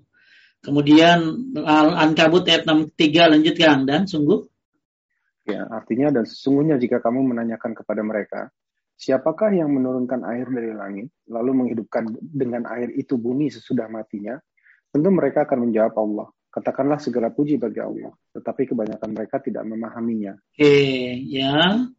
Oke, dalil keempat. Jadi semua dalil-dalil ini, makanya, nah ini yang Yusuf ayat berapa kan tadi? 106 ya. Nah, ya kan ketika Muaz, eh, ketika siapa Huzaifah melihat ada orang make jimat yang untuk supaya nggak sakit, ya, dan dilepasin nama dia, diambil, diputusin. Kemudian Muaz, uh, apa Huzaifah baca ayat ini. Wa ma yu'minu aksaruhum billahi illa wa hum musyrikun. Dan sebagian besar dari mereka tidak beriman kepada Allah. Melainkan dalam keadaan mempersekutukan Allah. Kita lihat lebih komplit Kang tafsirnya dari surat Yusuf ayat 106. Kita lihat tafsirnya. Ibnu Abbas mengatakan, di antara keimanan orang-orang musyrik, jika dikatakan kepada mereka siapa yang menciptakan langit, bumi, dan gunung, mereka menjawab Allah, sedangkan mereka dalam keadaan berbuat syirik kepadanya. Jadi tadi STMJ sholat terus musyrik jalan. Kalau orang, orang Islam sholat terus musyrik jalan. Tapi kalau mereka ya mengakui Allah pencipta, pengatur, tapi juga sambil menyekutukan Allah. Nah ini kita jangan begitu. Kita tauhid sempurnakan. Jangan bertauhid juga, tapi ternyata contoh misalnya, makin tauhid seseorang harusnya makin bakti kepada orang tua. Saya sering bilang. Karena kedudukan orang tua, berbakti kepada orang tua, wajibnya berbakti kepada orang tua seperti wajibnya bertauhid kepada Allah. Maka kalimat orang tua selalu ditaruh di bawah tauhid ya kepada Allah, berbakti kepada orang tua. Maka kalau orang dulu mereka mereka mengakui Allah tapi juga men, men, apa, menyekutukan Allah. Kalau orang sekarang ya sholat, puasa dan lain sebagainya, tapi juga kedukun rajin ya tapi juga melakukan kesyirikan rajin ya apa kemarin tuh ya ada apa tuh ya kalau orang apa kalau begini-begini uh, bisa begini kan banyak di Indonesia model-model model-model seperti itu kemudian Ikrimah mengatakan kalau tadi Ibnu Abbas tuh sekarang Ikrimah mengatakan jika kamu menanyakan kepada orang-orang musyrik siapa yang menciptakan langit dan bumi mereka akan menjawab Allah Demikianlah keimanan mereka kepada Allah. Namun mereka menyembah selainnya juga. Ah, keduain Kang. Ya, ya dia bilang Allah tapi juga nyembah yang lain gitu Kemudian Syekh Salih Fauzan lanjutkan. Uh, Syekh Salih Al Fauzan Allah menjelaskan bahwa kaum musyrikin pada masa itu mengakui Allah Subhanahu wa taala adalah pencipta, pemberi rizki serta pengatur urusan hamba-hambanya. Mereka meyakini di tangan Allah lah terletak kekuasaan segala urusan, dan tidak ada seorang pun di antara kaum musyrikin itu yang mengingkari hal ini.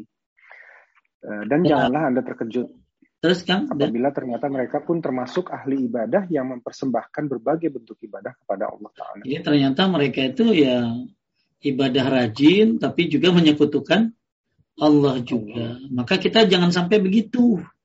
Ini kesimpulannya. Jadi kata Syekh Fauzan, Pokoknya mereka meyakini Allah, ya, dan tidak ada seorang pun di antara kaum musyrikin itu yang mengingkari hal itu. Maksudnya mereka mengakui Allah Subhanahu wa taala. Makanya, nah sekarang ada bahasan nih, dan janganlah Anda terkejut apabila ternyata mereka pun termasuk ahli ibadah. Ah, jadi ternyata orang-orang dulu kafir musyrik, kafir Quraisy juga ahli ibadah, ahli ibadah ternyata. Tapi tadi mereka juga menyembah selain Allah. Tapi tadi mereka juga melakukan kesyirikan. Nah, kita hubungkan dengan keadaan kita. Jangan sampai sholat rajin, puasa rajin, puasa Nabi Daud luar biasa. Ya, tapi ternyata, uh, ya, ternyata akidahnya lemah. Begitu dapat WA kan, sebarkan WA ini kepada 10 orang.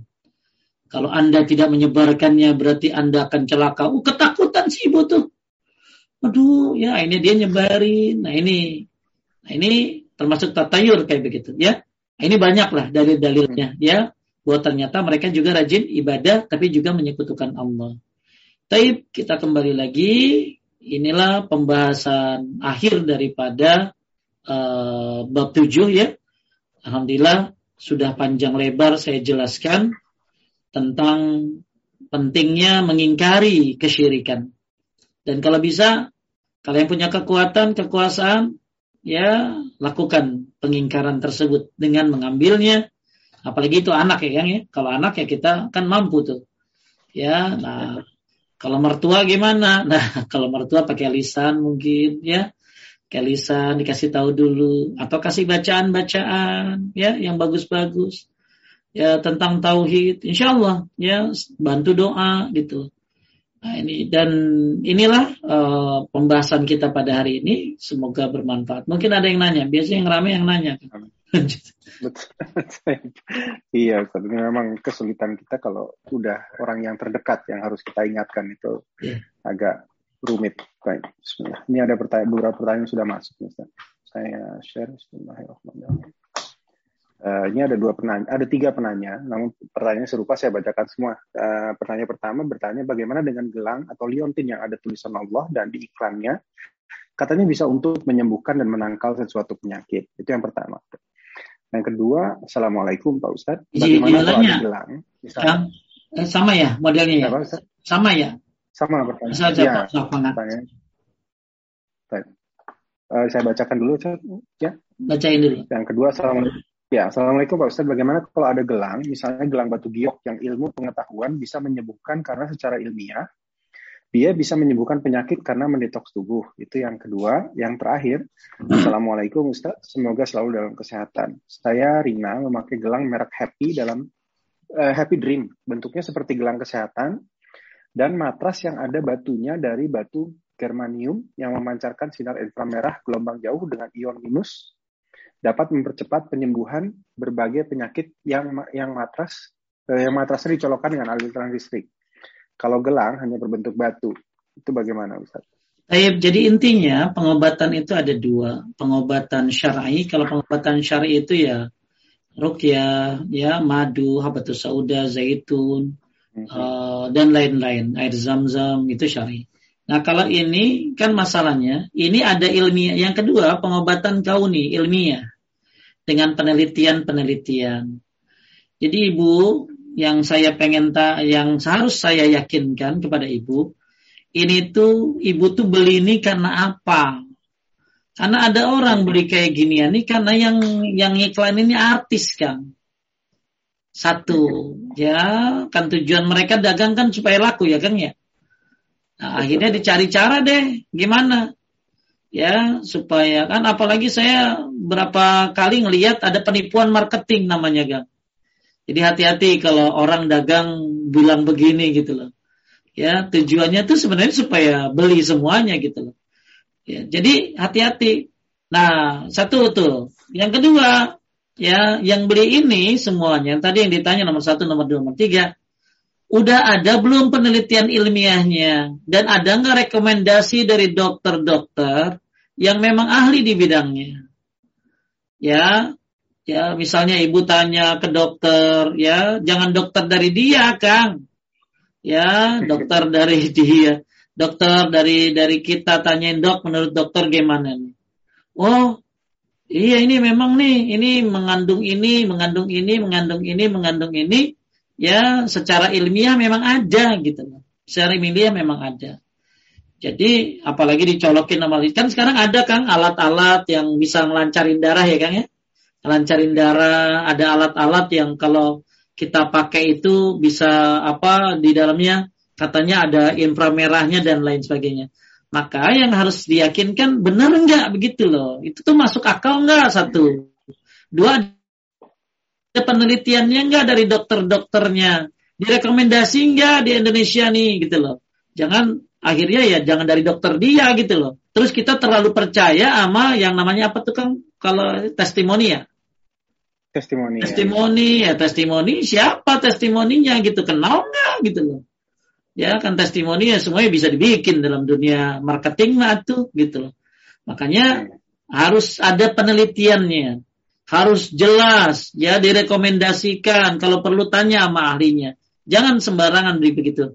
Nah, sekarang kalau memang itu benar, ada penelitiannya, ternyata setelah dibuktikan memang mengeluarkan gelombang ini ini bisa membuat badan dan lain sebagainya begini, itu menjadi sarana hatimu tetap kepada Allah Subhanahu wa taala. Ya, jadi itu namanya pengobatan apa itu ilmiah namanya. Jadi kayak kita berangkat ke dokter, pergi ke dokter kan, dokter tuh memang udah sekolahnya di situ. Ya, kemudian dia ngasih resep-resep ya. Nah itu pengobatan kayak begitu namanya pengobatan apa tadi? Kauni ya bu ya? Kauni itu apa? Pengobatan ilmiah. Makanya banyak syekh-syekh meninggal di rumah sakit kan? Ya berobat ke iya. dokter mereka. Boleh nggak apa-apa. Berobat ke dokter tuh ilmiah gitu loh. Nah termasuk kalau kita punya ada gelang ada infrarednya begini-begini jangan dulu beli sebelum kita yakin bahwa ini benar-benar ilmiah oke ilmiah sekarang beli. Jangan jangan lupa, ini bukan penyembuh, ini hanya sarana. Hatimu harus bergantung kepada Allah Subhanahu wa taala. Nah, ini yang terpenting tuh, ya. Yang terpenting Allah tetap ada di atas segala-galanya. Ini hanya sebab kayak minum obat aja. Bismillah. Ya. Oh, yang nyembuhin mah Allah, ya. Sebab sebab hanya uh, obat hanya sebagai sarana. Itu. Jadi penting ke penelitiannya, penting ilmiahnya, penting buktinya. Jangan cuma ikut-ikutan beli doang. Apalagi banyak sekarang kan. Ya lagi covid begini kan orang pengen sehat ya. Ya, ya. sampai ada seorang kiai ngasih amalan kan masker gaib katanya. masker gaib. Jadi gimana bukan eh, orang pindah masker gaib, yang nggak ada masker gaib, yang ada masker putih gitu loh. Ya, lanjut. Baik, uh, ini tadi kelewat. Uh, Assalamualaikum Ustaz. Zaman dulu, waktu saya kecil di kampung, saya suka lihat bayi dipakai dipakein gelang benang. Tapi saya nggak tahu tujuannya. Kalau suatu saat lihat lagi seperti itu, bagusnya bagaimana ya Ustaz? Ya biasanya tujuan bayi dipakai gitu tuh supaya nggak kena ain. Satu, supaya nggak kena apa tadi? Ain. Ya, ain tuh pandangan mata. Atau nggak kena penyakit. Ya nah itu keyakinan yang salah tadi. Sama itu jadi jimat juga tuh kayak gitu. Jadi kalau anda temuin gimana? Kalau anda punya kekuasaan kayak mau kayak tadi Huzaifah. Anda punya kemampuan ambil copotin. Ganti sama duit seratus ribu tuh anaknya. Sambil nah ih, ini mah nggak bagus nih kalau emas ya ah, apalagi saudara ya beli aja satu gram kan daripada pakai kalau itu memang perempuan ya, ganti atau ganti pakai uangnya. Ya, biar ada gantinya gitu loh. Ya, jadi kalau Anda temukan kayak gitu, ya Anda putuskan Kemudian kalau mau kasih hadiah, kasih hadiah karena tentu ada beda metode ya Kang ya. Metode dakwah kan bagus tuh sambil memberikan hadiah ganti jangan pakai ini ya. Kayak gini Kang, saya pernah waktu itu ada anak kecil pakai tas yang seorang muslim tapi kok pakai tasnya agama lain gitu. Maka ini kita ngumpulin uang supaya gantiin tas dia. Ternyata banyak teman-temannya yang yang tasnya itu ternyata ya dari misionaris gitu loh kan. Nah, ini kita gantiin, ya ini dia senang karena yang lebih mahal tentunya, lebih bagus. Ya. Nah seperti itu. Lanjut. Boleh. berikutnya yang ketiga nih. Baik. Apa hukumnya seseorang yang tahu perbuatan sirik tapi tidak percaya tidak berdaya untuk mencegahnya? Contoh pribadi, saat menikah pria semanten mengucapkan jampi-jampi supaya pengantin terhindar dari bahaya. Mungkin santet dan sebangsanya apa sebelum pengantin keluar dari ruang rias menuju lokasi akad. Ya, ini salah EO-nya ini EO-nya dukun kali ya, EO-nya. Ya, oke okay, kalau sekarang banyak EO-EO yang bagus, EO event organizer yang bagus, yang syar'i, ya banyak sekarang. Nah, sekarang kalau Anda mengetahui kayak begitu, ya kalau Anda punya kemampuan ya tolak. Gak mau ah, ini apa sih gitu loh. Ya, uh, tapi biasanya kan kayak gitu nah disuruh sama neneknya kali kan ya disuruh yeah. sama orang tuanya biasanya. Kalau anda mampu melakukan apa melakukan tindakan lakukan ya. Eh, nggak uh, bisa pakai apa nggak bisa mencegah pakai lisan. Maaf nggak mau ah gitulah. Ya. Nah nggak bisa juga maka anda benci perbuatan itu itu yang terpenting kan benci. Nggak suka saya. Tapi saya nggak bisa apa-apa karena ibu kan nenek yang melakukan itu atau yang mengerjakan itu atau yang menyuruhnya tapi di hati benci. Itu yang terpenting. Di hati benci, ada ke apa mengingkari hal itu. Sambil juga mendoakan supaya neneknya, ibunya dapat hidayah. Ya banyak kan model-model kayak gitu ya. Lanjut. Ya. Uh, ini pertanyaannya singkat aja nih Ustaz. Apa Assalamualaikum Ustaz, apa artinya unta merah Ustaz? Ya, kalau, ya. kalau unta merah itu dulu kendaraan orang Arab ya jadi orang Arab tuh kan pakai onta dan ontanya itu uh, kan onta itu sesuatu yang spesial. Nah, onta merah ini onta terbaik sepertinya. Nah, kalau sekarang ya mungkin onta merah ini ya mobil mahal kali gitu loh ya Bu ya. ya. Maksudnya kendaraan hebat, kendaraan mahal. Lanjut. Uh, tentang agama, tentang adanya agama baik ini, baik Nah, bagaimana respon Ustadz mengenai ada hal ini? Apakah sudah memberi masukan terhadap pemerintah? Ya, Ustadz-Ustadz yang masukin ritme udah banyak ya. Ya, cuman tugas kita mah ya cuman ngasih tahu kan. Ya, nggak usah tahu. Mudah-mudahan dapat hidayah. Gak ada yang diem bu, Ustadz-Ustadz mah. Ya, apalagi melihat kayak begitu-gitu. Ya, makanya ibu-ibu gimana cara nggak diemnya bu Ustadz? Ibu juga sharing maka ibu lihat kesesatannya apa ya di apa di di Muslim Afiyah ya ada tuh Rahin al Bahrain. Jadi ibu apa sampaikan ya sampaikan kepada kalau ada yang memang eh, apa memang punya apa ya punya punya link masuk ke pemerintah ya lah kasih tahu lah ya kasih tahu. Jadi apa ustadz-ustadz juga nggak diem maka bagaimana ustadz-ustadznya nggak diem bikin tulisan Ya banyak ustadz-ustadz yang udah bikin tulisan-tulisan seperti itu, ya. Nah sekarang masalahnya tulisan udah saya yakin Kang. gerah dia Kang. Pasti ya Kang, gerah pasti. Yang komen udah banyak banget. Ya, entah ada apa di belakangnya yang saya nggak ngerti kan. Tapi ya orang info kan udah masuk semua. Ya. Ya sekarang tinggal kita doain deh. Mudah-mudahan dapat tidak? Dapat hidayah. Ya, dapat hidayah. Dapat hidayah mudah-mudahan ya akhirnya kan kan dipegang oleh departemen agama kan kayak gitu kan? Ya pasti ya. info udah masuk kang semua. Cuman entah ada apa di belakangnya. Ya wallahu alam. Nah sekarang kita kan ada tiga tadi. Kekuasaan nah maksudnya tangan lisan nggak bisa juga lisan. Ya udah yang terakhir Ya, sekarang mah ngasih lisan tuh gampang kan, tinggal Twitter aja kan ke dia kan. Betul. Tinggal di tag doang, di tag doang. Oh itu ibu-ibu kalau lihat ya bahasan agama Bahai itu banyak banget dan di tag tuh orangnya, di tag. Nih gimana nih Pak Anu sebutin itu loh, di tag. Ya kan pasti masuk itu. Nah itu termasuk dakwah dengan apa? Dengan tulisan itu kayak lisan kan. Maka tulisan itu ya itu lisan kedua kan. Ya kan kita tadi dakwah dengan keku apa dengan dengan tangan ya dengan lisan. Nah termasuk tulisan ya itu bagian dari makanya ada surat al-qalam kan. Nun wal qalami wa ma yasturun. Coba ibu lihat tafsirnya deh ya di Ustadz Firanda bagus tuh. Ustadz Firanda tafsirnya bagus-bagus dia ya. Saya baca tafsirnya ternyata tulisan itu adalah lisan juga. Maka sekarang ibu-ibu kalau yang punya tulisan kesesatan bayi, tag aja orangnya. Di tag tuh biar bagus, biar masuk semua tuh. Seluruh kaum muslimin ngetag. Ya mudah-mudahan dia sadar, mudah-mudahan diberikan hidayah. Ya, lanjut. Ya, ini juga salah satu alasan kita tahu bahwa agama bayi salah itu karena Ustaz Ustaz tidak diam. Kalau Ustaz iya. diam, kita nggak tahu kalau itu salah. Kalau nggak diam ya nggak ada yang tahu salah ya. Lanjut. Betul. Jadi kita bentar nih kita langsung. Baik, Assalamualaikum Ustaz. Di Jawa banyak sekali ritual-ritual adat, misalnya puasa di hari kelahiran atau weton atau upacara adat kehamilan tujuh bulan apakah termasuk dalam kesyirikan Ustaz? Karena di dalamnya ada ritual-ritual seperti mandi kembang dan lain sebagainya. Ya, beda sebentar Kang, jangan dihapus. Ya, puasa, betul. puasanya bagus. Cuman kenapa puasa hari kelahiran? Kan Nabi Muhammad puasa hari kelahiran, itu Nabi Muhammad. Manusia yang udah dijamin surga.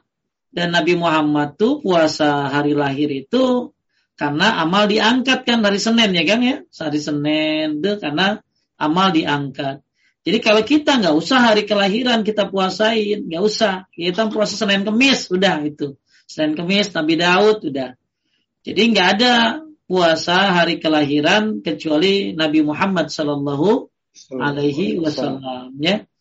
Nah upacara adat kehamilan tujuh bulan, eh, ini ini eh, kalau jadi kalau eh, kalau puasanya kan begini, puasanya kan bagus, tapi ketika niatnya salah, ya ini jadi bid'ah tambahan tuh. Jadi bid'ah jadinya bid'ah itu amal ibadah yang tidak pernah ada dilakukan oleh Nabi dan para sahabat sahabatnya. Kayak upacara adat kehamilan tujuh bulan. Ya, kalau misalnya dia baca-baca ini, baca itu, baca Al-Quran, baca ini, ah ini sebenarnya baca Quran kan kapan saja. Cuman kalau ditentukan waktunya kayak begini, akhirnya jadi bid'ah gitu loh. Nah, hmm. jadi nah kalau syiriknya di mana Pak Ustadz? Nah, bisa jadi di sini nih syiriknya nih. Apa tujuan mandi kembangkan? Biar wangi kan? Hmm. Yang orang mandi kembang tujuannya apa? Biar wangi? Oh, biar wangi. Enggak tahu Ustaz, saya kan pernah. Enggak kan. Tujuan mandi kembang itu bukan biar wangi, tapi supaya selamat. Ini syiriknya di sini. Oh, Supaya selamat. Kalau nggak mandi kembang, bisa celaka Kak, ah, ini namanya tatoyur. Ya, ini syiriknya di sini. Ya, jadi kalau puasanya hari lahir itu bid'ah kan ya. Bid'ah. Bedain ya. Kalau bid'ah ini amalan yang uh, yang tidak ada di, Nabi lakukan. Tapi kalau menganggap oh mandi kembang biar selamat, kalau nggak mandi celaka, ah, ini syirik. Ya, kenapa? Itu namanya tatoyur. Itu ada di bab 18 apa ya? 18 ya, 11 bab lagi Kang ya. Sabar. itu dari bab 11. Jadi uh, yang sabar belajar tauhid. Jadi Ibu uh, kalau puasanya ya itu bid'ah.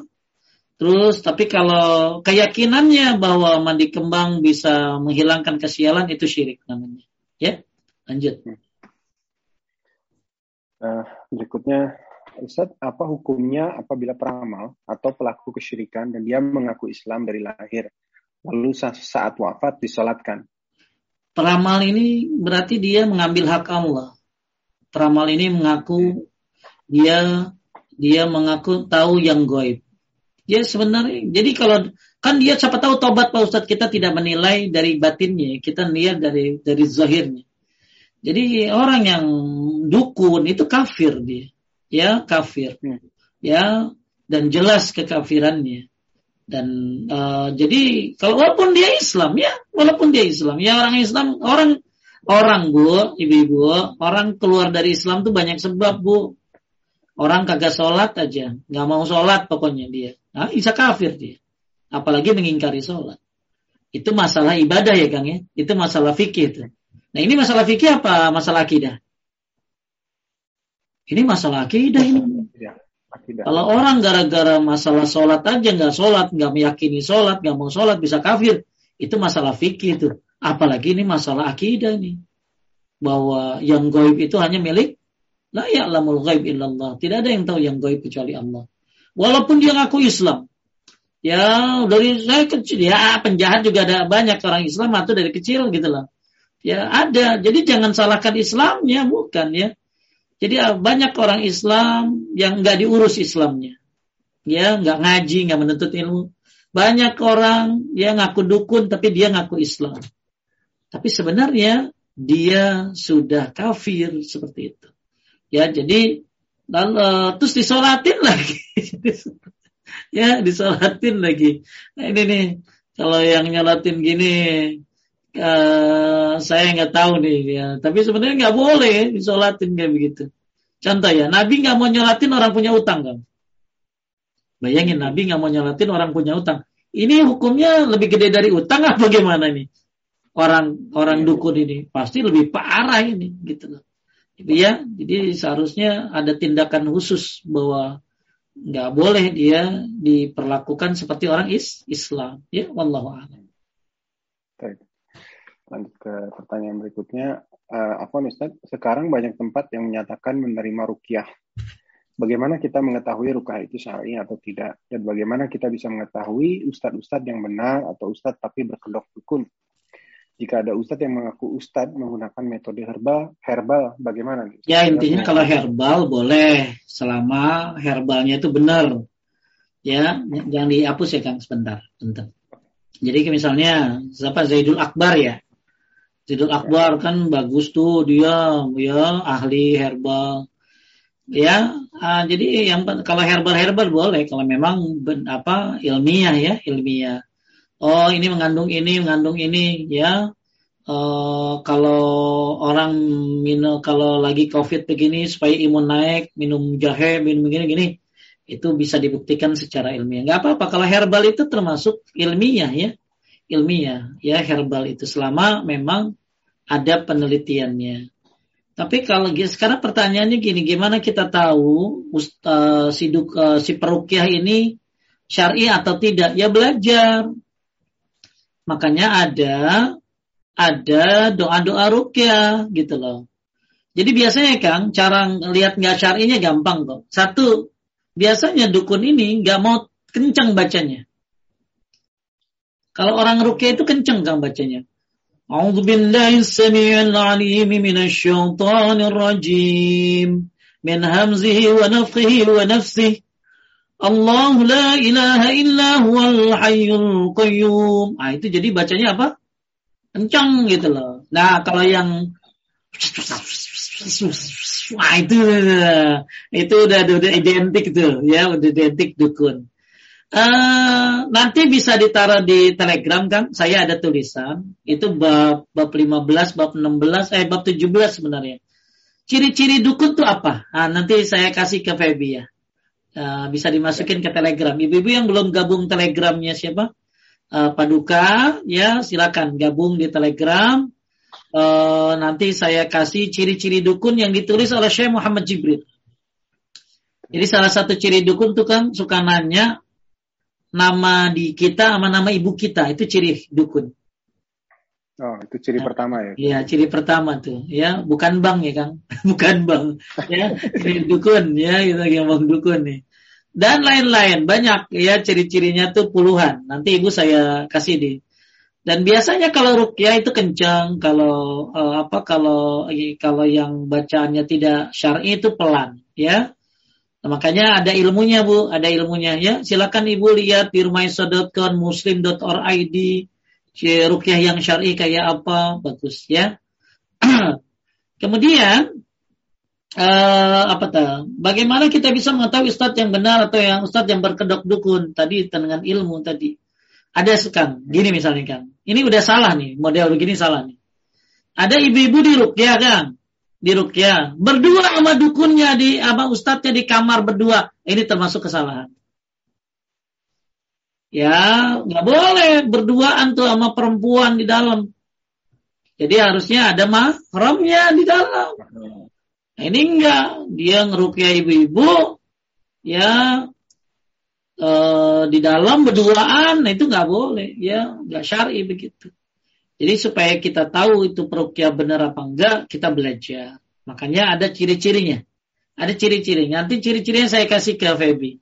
ciri-ciri apa dukun ciri-ciri dukun yang ini sebenarnya buat buat apa di Arab ya buat di Arab tapi hampir sama kok sama kita nggak nggak jauh beda salah satunya tadi ya suka minta syarat yang aneh-aneh kan syaratnya salah satunya yang lucu apa kan cari tikus yang jantan. Cari tikus ya. cari tikus yang wah, wah yang lucu-lucu dah. Ya tujuh apa. Nah ini ada syarat-syaratnya. Nanti syarat-syarat jadi nanti saya kasih ke Feby atau ke Kang Rashid ciri-ciri dukun yang dikumpulkan oleh Syekh Muhammad Jibrin uh, setahu saya ya kalau saya nggak lupa. Dan nanti ibu bisa tahu. Tapi cara intinya tadi uh, ibu harus belajar supaya tahu ya kayak tahu lanjut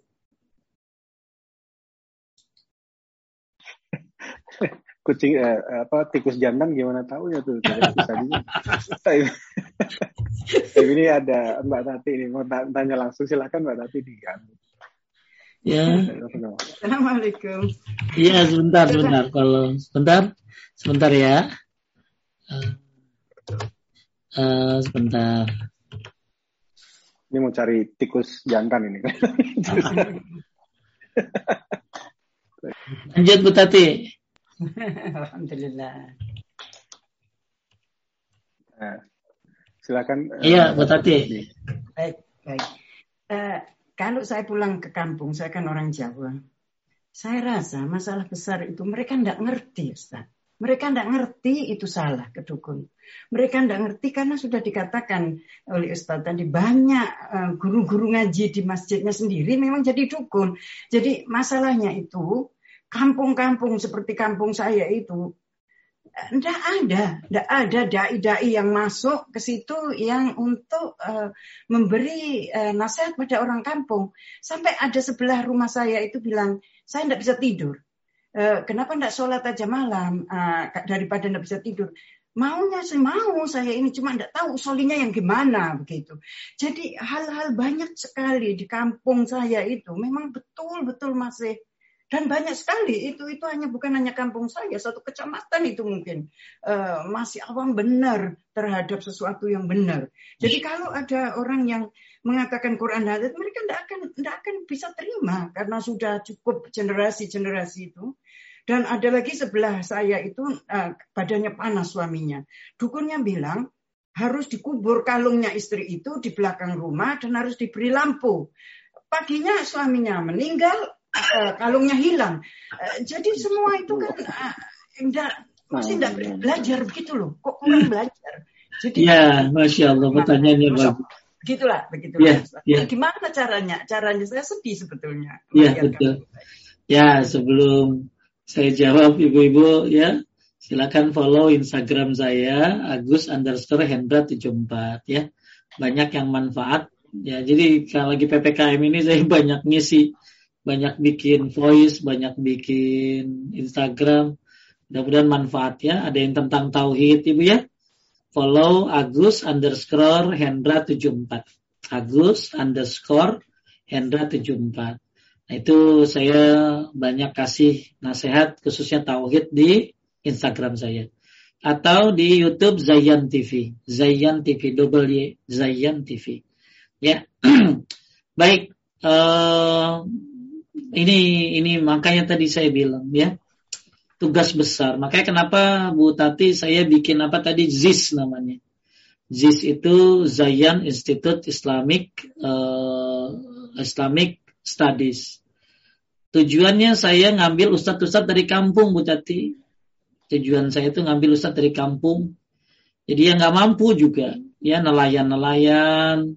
Pokoknya dari berbagai inilah, dari berbagai daerah ya ada yang dari Bangka, ada yang dari mana ya? Pokoknya dari daerah-daerah. Itu kita selektif kan, kita seleksi, kita seleksi uh, cuma mampu baru 12 orang aja, baru mampu 12 orang saja. Saya sih berharap mudah-mudahan nanti mampu bisa lebih ya, karena gedungnya masih kecil, mudah-mudahan nanti bisa 100 ya, mudah-mudahan kali ada ibu-ibu yang mau wakafin tempat buat apa buat pembina ya buat membina para ustadz. Jadi ini bukan sekolah buat sanawiyah alia bukan ya. Ini buat pengkaderan kan. pengkaderan untuk jadi ustadz gitu ya. Dan di situ nggak bisa main-main. Ya, udah ketat deh jadwalnya. Ya, jadwalnya ketat banget. Hafalannya juga waduh luar biasa. Yang binanya juga luar biasa. Nggak main-main. Karena memang tujuannya supaya menjadi kader-kader yang bertauhid, hafiz, ya, dan juga paham sunnah dan dengan manhaj yang benar. Jadi memang di yang disampaikan nama Bu Tati ini tugas besar gitu. Masalahnya Kang, yang mau jadi ustadz tuh nggak banyak. Iya, betul. iya. Contoh ya. Kang Rasid mau. Iya, 360 uh, alumni misalnya. Saya di pesantren kan. Itu yang jadi ustadz ya paling lima orang, empat orang. Ya, itu juga masih dipilih-pilih ya. Yang ustadz bid'ah, yang ustadz macam-macam kan itulah.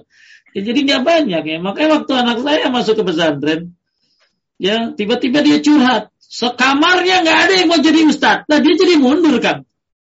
Kayaknya aku nggak mau jadi ustadz deh ya. Hah? Kenapa? Teman-temanku semuanya pengen jadi pengusaha. Ya Allah, akhirnya saya briefing tuh. Saya biasa briefingin motivator orang-orang, saya motivatorin anak saya jadinya. Ini anak saya saya kasih tahu, kasih tahu teman-temannya.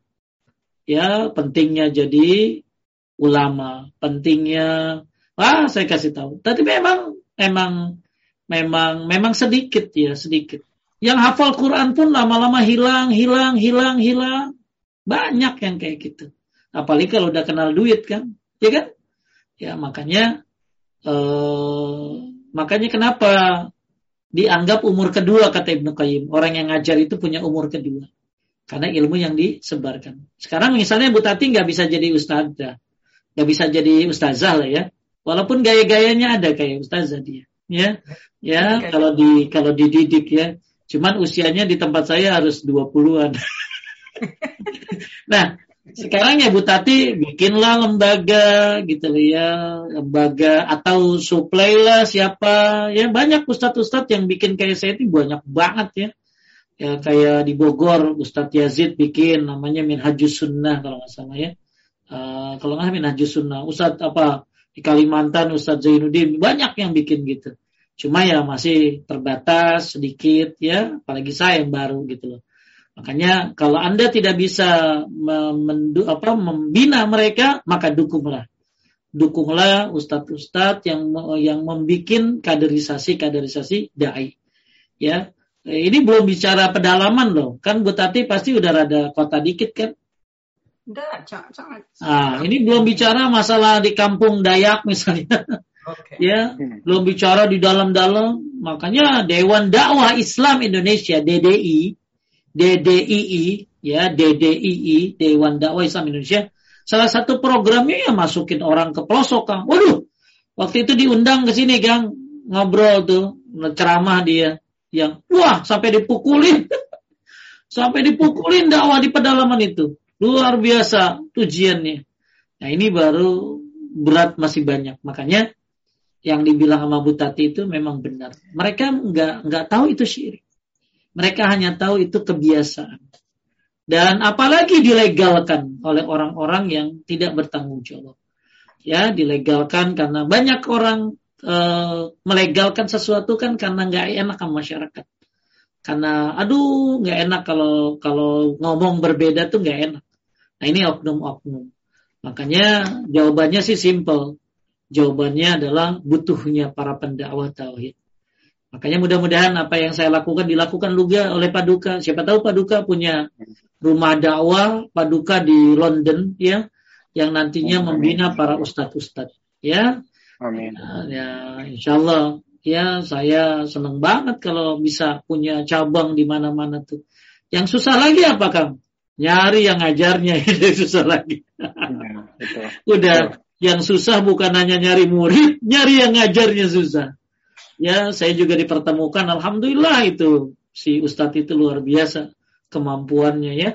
Masya Allah. Alhamdulillah mudah-mudahan. Mudah-mudahan ya bu semuanya ya. Ya kalau ibu nggak bisa membina dukung. Ya dukung. Atau ibu punya rumah apa ya dan lain sebagainya dukung. Cari gampang yang ya, yang mau bikin tuh banyak. Cuman nanti mungkin tugas beratnya adalah nyari ustadznya yang mau bimbing.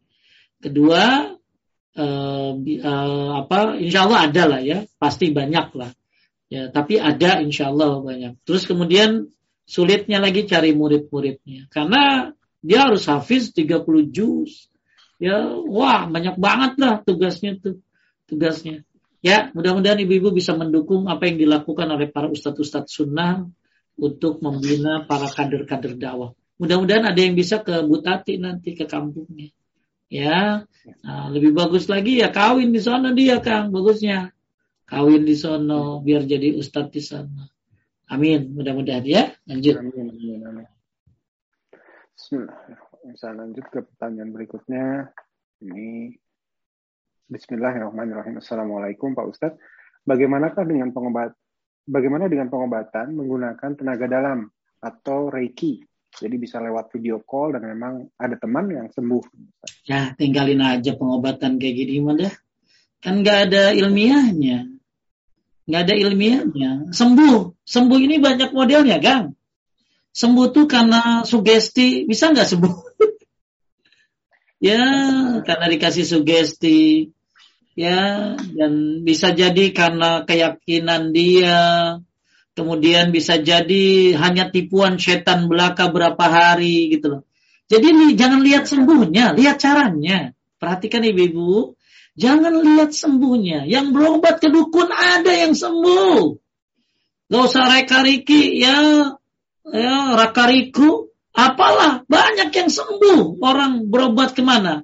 Berobat ke dukun, ke paranormal, ada yang sembuh, bahkan jadi iklan. Tapi yang kita lihat bukan sembuhnya, caranya. Caranya. Maaf, Kang, pelacur dapat duit nggak? Dikasih rezeki nggak pelacur? Kasih. Dikasih. Maling dapat. Ya, ya mereka mendapat rezeki, tapi diridhoi kerjaan mereka? Tidak. Mereka dapat rezekinya, tapi tidak diridhoi oleh Allah Subhanahu wa taala. Jadi sekali lagi saya tekankan, bukan sembuhnya.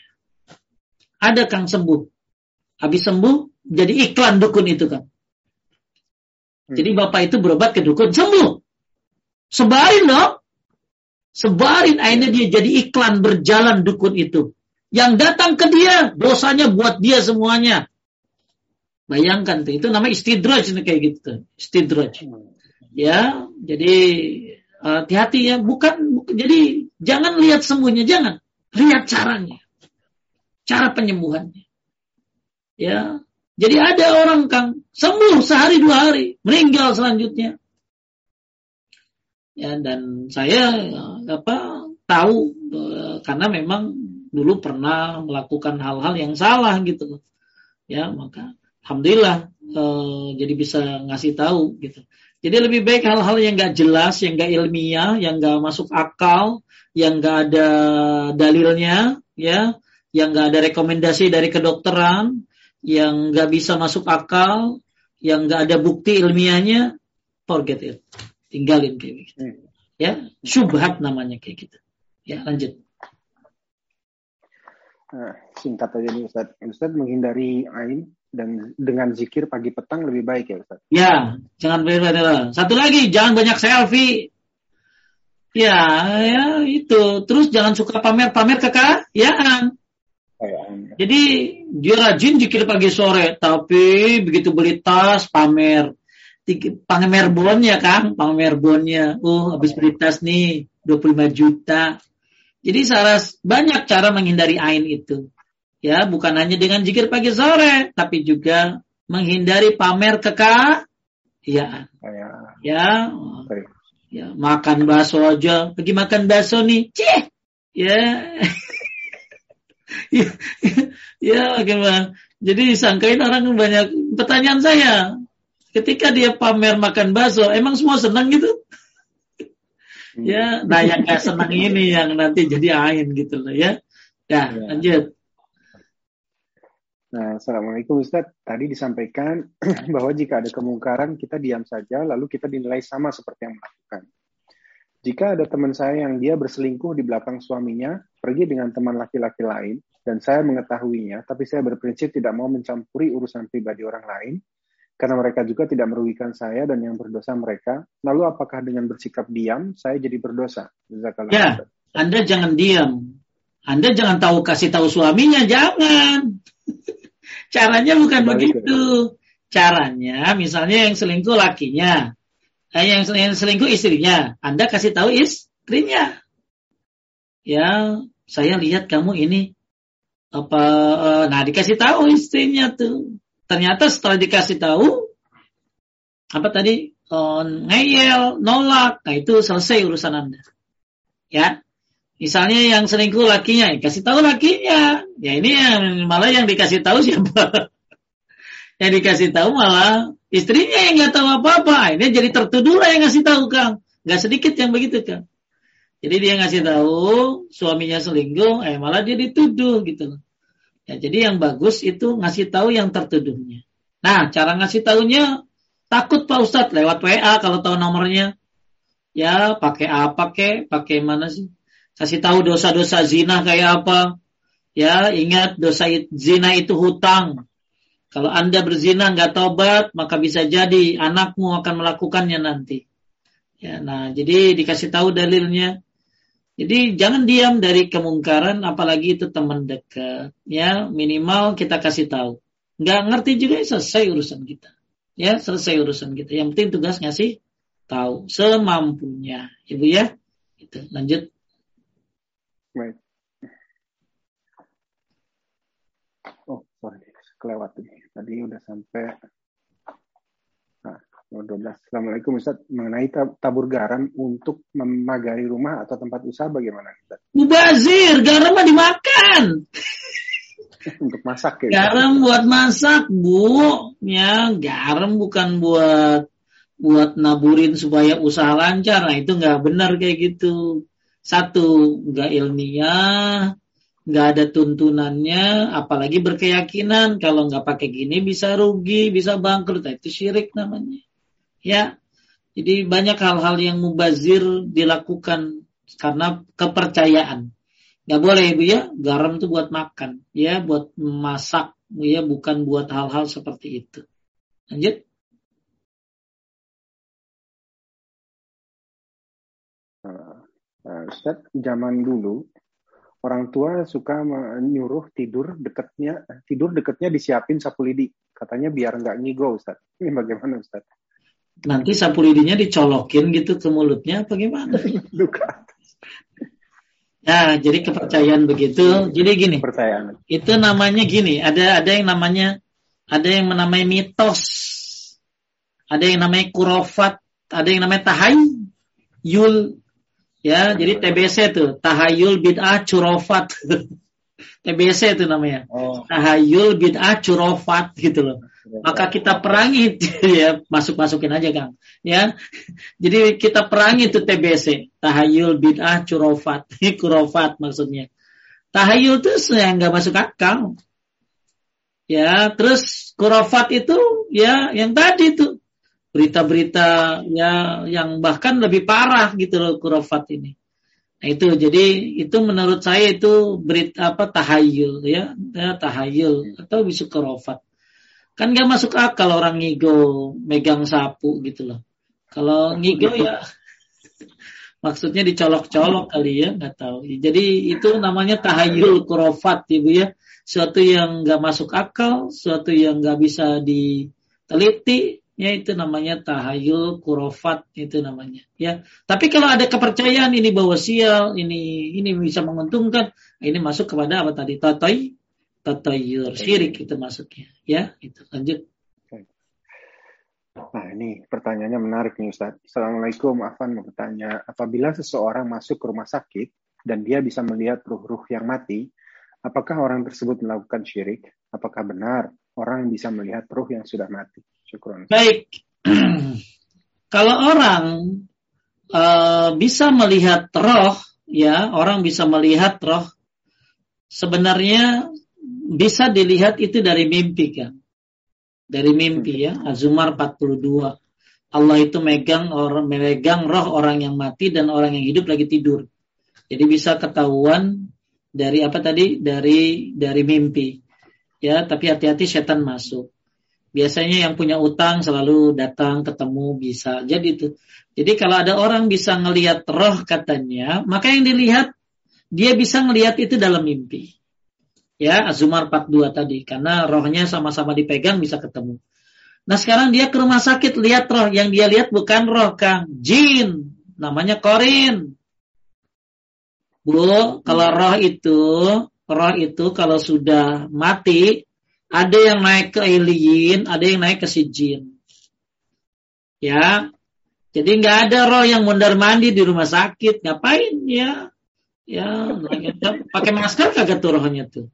Ya, jadi uh, ketika ada orang yang katanya bisa melihat roh, yang dia lihat bukan roh mungkin, tapi siapa? Korin, jin. Jin siapa? Jin yang udah prilen. Jadi yang punyanya mati, jinnya nggak mati kan? Jadi gini, Kang Roshid, saya, ibu-ibu semuanya yang hadir di sini itu punya korin ya dan korinnya kafir kecuali korin yang Nabi Muhammad SAW yang masuk Islam. Nah, uh, korin-korin ini begitu kita mati, jadi korin itu lahir, kita lahir, dia lahir. Ya. Nah, begitu kita mati, dia nggak nggak mati. Nah, itu jadi prilen, tuh, tuh jadi mungkin jadi prilen tadi ya, nggak ada nggak ada nggak ada yang digoda lagi. Maksudnya yang target digodanya sudah mati. Mungkin dia entah ke mana. Nah, jadi kalau ada orang lihat roh di itu, itu jin korin namanya. Ya, makanya bukan bukan siapa tadi, bukan bukan roh. Karena roh itu sudah kalau sudah meninggal, dia dia akan masuk ke si jin atau ke alien. Gak ada roh pengangguran. Wah rohnya gentayangan Pak Ustadz. Dalam Islam gak ada roh gentayangan. Gak ada. Yang ada jin gentayangan. Ya, jadi kalau ada orang bisa ngelihat jin di rumah sakit roh yang katanya dia roh, nah itu kalau orang itu sering ngelihatnya berarti sakit tuh dia. Ya, kenapa sakit Pak Ustadz? Karena manusia yang normal nggak bisa ngelihat kayak gitu. Ya, Abu Hurairah bisa ngelihat tuh karena udah berbentuk ya. Udah berbentuk. Udah berbentuk. Apalagi rohnya jinnya masukin botol, kalau lebih parah lagi itu. Ya, jadi itu bukan roh, Bu. Itu jadi kalau ada orang yang bisa ngelihat kayak gitu, dia nggak syirik kecuali dia uh, itu sakit ya berarti bukan syirik itu sakit itu. Ya, dia harus dirukyah matanya. Dia harus baca sering Al-Baqarah. Karena manusia yang normal tidak bisa melihat hal-hal seperti itu. Hmm. Baik. Uh, Pak Ustadz, bagaimana penempatan ikhtiar dalam pen penanganan pandemi saat ini? sangat mudah diucapkan untuk menjalani prokes seperti vaksin. Karena sekarang sedikit-sedikit kalimat ikhtiar mudah diucapkan. Sejauh mana kalimat ikhtiar yang tepat penggunaannya dalam Al-Quran? Apa yang harus kita lakukan dalam kata ikhtiar tersebut? Ikhtiar ini kan usaha.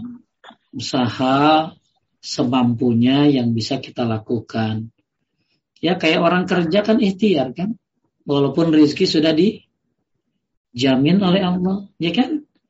ya yang mati udah dijamin ada tapi kita nggak boleh nggak ikhtiar gitu loh karena orang yang menghina ikhtiar ya berarti ya, jadi gini intinya melakukan sebab itu boleh melakukan sebab itu boleh supaya terhindar dari covid kan Nabi menyuruh kita lari dari wabah sebagaimana lari dari singa ya jadi kita nggak boleh uh, deketin ya seperti itu. Jadi intinya ikhtiar ini dibolehkan selama ikhtiarnya sesuai dengan syariat. Ya paling gampang orang kerja, kerja kan ikhtiar. Walaupun rezeki udah ditentukan, nggak boleh dia di rumah terus. Walaupun mati udah ditentukan, hanya dia belagu. Wah, ya saya pernah kan masuk masjid. Waktu itu kan udah udah udah mulai aman lah ya. Saya ke masjid ditanya sama ada bapak-bapak aki-aki. Udah lama nggak kelihatan tuh Ustaz? Iya nih di rumah aja. Banyak orang sekarang takut mati. Ustaz dinasihatin. Ya, banyak orang sekarang takut mati. Lebih takut mati daripada takut sama Allah gitu loh. Saya bilang, Pak, ya, takut tuh banyak modelnya. Ya, ada takut yang wajar, ada takut yang harus, ada takut yang nggak boleh. Ya, ya takut yang wajar ya takut sama api, takut sama ular. Jadi banyak orang-orang yang salah dalam uh, apa makna tawakal. Jadi seolah-olah tawakal itu nggak ngapa-ngapain, salah tuh. Jadi sekarang yang ibu lakukan adalah ikhtiar, pakai masker, pakai apa, itu ikhtiar. Nabi pakai baju, jadi Nabi pakai baju perang, Pak. Kan kalau misalnya perang nggak pakai baju perang ya Nabi pakai baju perang. Nabi juga apa bekerja gitu. Jadi bekerja ikhtiar atau sekarang kita pakai masker semuanya ikhtiar. Itu bagian daripada ikhtiar. Tapi kita tidak berlebihan. Berlebihan itu gimana misalnya? Ini jadi stres kan? Jadi stres ya akhirnya dikit dikit-dikit begitu ngomong covid langsung serak kang. Langsung kayaknya hidungnya ngerasa gatal itu nah itu nah dia kena penyakit lain kayak gitu tuh. Jadi lakukan ikhtiar ya lakukan ikhtiar sebaik mungkin tapi jangan lupa ikhtiarnya jangan jangan cuma masker Jangan cuma jaga jarak, jangan cuma cuci tangan, jaga kesehatan, tapi ikhtiar juga yang lainnya apa? Zikir pagi sore, ya, kemudian apalagi ya uh, ibadah yang benar, yang bagus. Nah, yang utama tauhid, yang utama tauhid. Kalau kena juga, ah itulah takdir namanya. Ya, Nabi pernah kena sihir nggak kan? Pernah. Pernah. Uh, berani nggak akan ngomong? Berarti Nabi jarang jikir. Nauzubillah ngomong begitu. ya nggak boleh kan. Berarti apa? Allah punya hikmah. Kenapa kan Nabi kena si sihir? Walaupun Nabi sudah zikir, sudah wah, luar biasa. Tapi ternyata ada hikmahnya. Sama. Yang udah usaha semuanya ya tiba-tiba kena juga ya udah ikhtiar. Yang penting ya. Nah, lanjut. Tanyanya singkat ini Ustaz. Eh, kalau pengobatan hipnotis termasuk syirik juga nggak Ustaz? Kalau hipnotis itu berupa kata-kata motivasi, ya kata-kata motivasi kan, itu kan hipnotis juga kan? Ya itu boleh. Ayo Pak, semangat Pak, Bapak bisa, ah, itu boleh. Tapi kalau hipnotis menggunakan bantuan jin, bantuan ini yang enggak sesuai syariat, ya maka itu nggak boleh.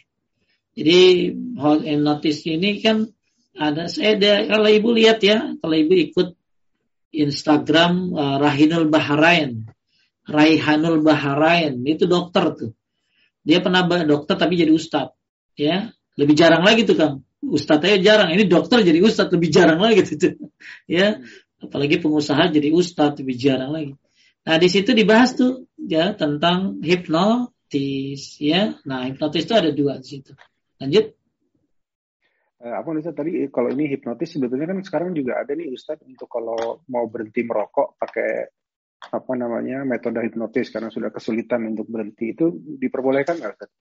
Nah ter kalau, kalau pakai kata-kata motivasi boleh, tapi kalau memakai halusinasi ini itu ya saya nggak tahu dia setahu saja orang belajar hipnotis itu kan dari belajar hipnotis mata gitu ya. Itu kudu ngeliatin matahari berjam-jam sampai matanya tuh kayak apa gitu ya.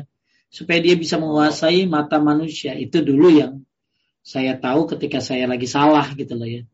Nah, hipnotis ini banyak modelnya. Ada yang dari mata ada yang dari kata-kata. Nah kalau dia menggunakan bantuan bantuan jin ya itu nggak boleh. Ya nggak boleh tapi kalau men, apa me, apa sih me, mengubah imajinasi dia dengan kata-kata ya nggak apa-apa itu ya motivasi namanya. Baik. Baik. Selanjutnya nih, Assalamualaikum Ustaz. Kalau sebelum tidur di kebutan, wah ini bahasa Sunda nih, di kebutan sama sapu lidi bagaimana Ustaz?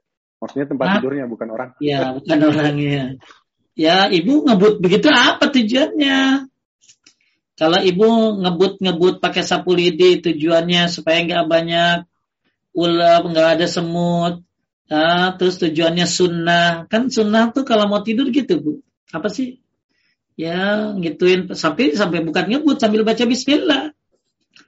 Ya, jadi bukan hanya ngebut-ngebut begitu, bukan hanya apa sih, kebut-kebut begitu, tapi sambil baca bismillah. Jadi niatkan itu sunnah. Sunnah. Uh, supaya apa? Supaya nggak ada binatang, ya lain-lain. Tapi itu memang sunnahnya setahu saya. Dikebut-kebut ya diginiin gitu ya di tempat tidur. Lanjut. Agak panjang nih. Assalamualaikum Ustaz. Saya suka bermimpi.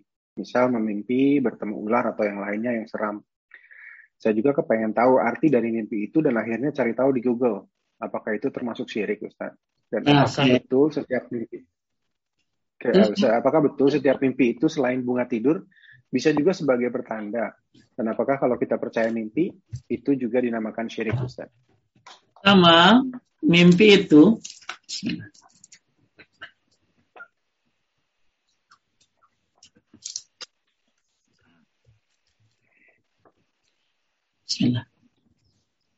Mimpi itu uh, ada beberapa sebab. Pertama, mimpi itu bawaan dari sebelum tidur.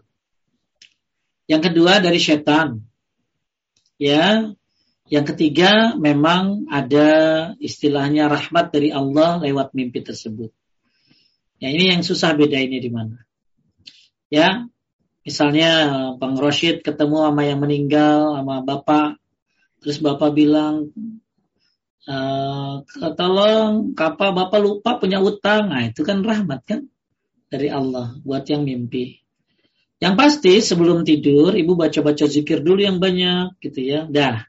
Jadi mimpi ada yang dari bawaan sebelum tidur ada yang mimpi karena dari setan ya. Ada yang mimpi jadi jadi rahmat karena dapat petunjuk di situ. Nah tinggal petunjuknya dikembalikan kepada Quran dan hadis. Misalnya mimpi ketemu orang tua bilang begini Nah, lu bacain nih tiap habis subuh, kulhu tujuh ribu. Ah, itu nggak usah diikutin. Satu, anda capek, ya. Dua, itu bid'ah, nggak benar gitu. Jadi mimpi itu dikembalikan kepada Quran dan Sunnah. Kalau memang setan yang masuk gitu loh ya. Nah sekarang pertanyaannya selanjutnya. Nah, gimana adab kalau ngimpi? Ngimpi itu adabnya gimana kalau ngimpi buruk? Satu, kalau ngimpi buruk, adabnya ya bangun baca auzubillah rajim meludah ke kiri. Ya, ngeludahnya ngeludah pun ceratan dikit aja ya, bukan ngeludah dahak. Auzubillah rajim. Auzubillah rajim. Auzubillah rajim. Kemudian balik posisinya kan. Kalau adab ngimpi apa nih? Ngimpi buruk ya. Rubah posisinya. Rubah posisinya. Jangan tadi posisi ke mana nih sekarang ini. Kemudian kalau dia ini mau wudhu lalu sholat. Ya. Ketiga, Kang, jangan ceritakan mimpinya sama orang lain. Itu adab yang keempat. Ya, ceritain sama orang lain aja nggak mau, Kang. Nggak boleh. Apalagi nyari di Google. Karena nggak ada buku tafsir mimpi yang akurat tuh, yang benar tuh nggak ada. Ada beredar dari Ibnu Sirin, itu bohong tuh, bukan dari Ibnu Sirin itu. Tafsir mimpi Ibnu Sirin, nggak pernah Ibnu Sirin ngeluarin kayak begitu itu kayaknya ada orang mengaku-ngaku tuh. Jadi yang bagusnya apa? Saya ulangi ya. Bangun, baca A'udzubillahi rajim, ludah ke kiri. Kemudian apa lagi kan? Kalau balik badan posisinya. Ya. Ketiga, sholat kalau mau. Dua rakaat, sholat witir, tahajud, apa. ya. Yang keempat, jangan ceritakan mimpi burukmu kepada orang lain. Itu adabnya. Apalagi yang kelima, jangan mau cari tahu apa sebabnya begini. Ya, cari tahu di Google, enggak ada, enggak ada. Anda bikin nanti sakit hati.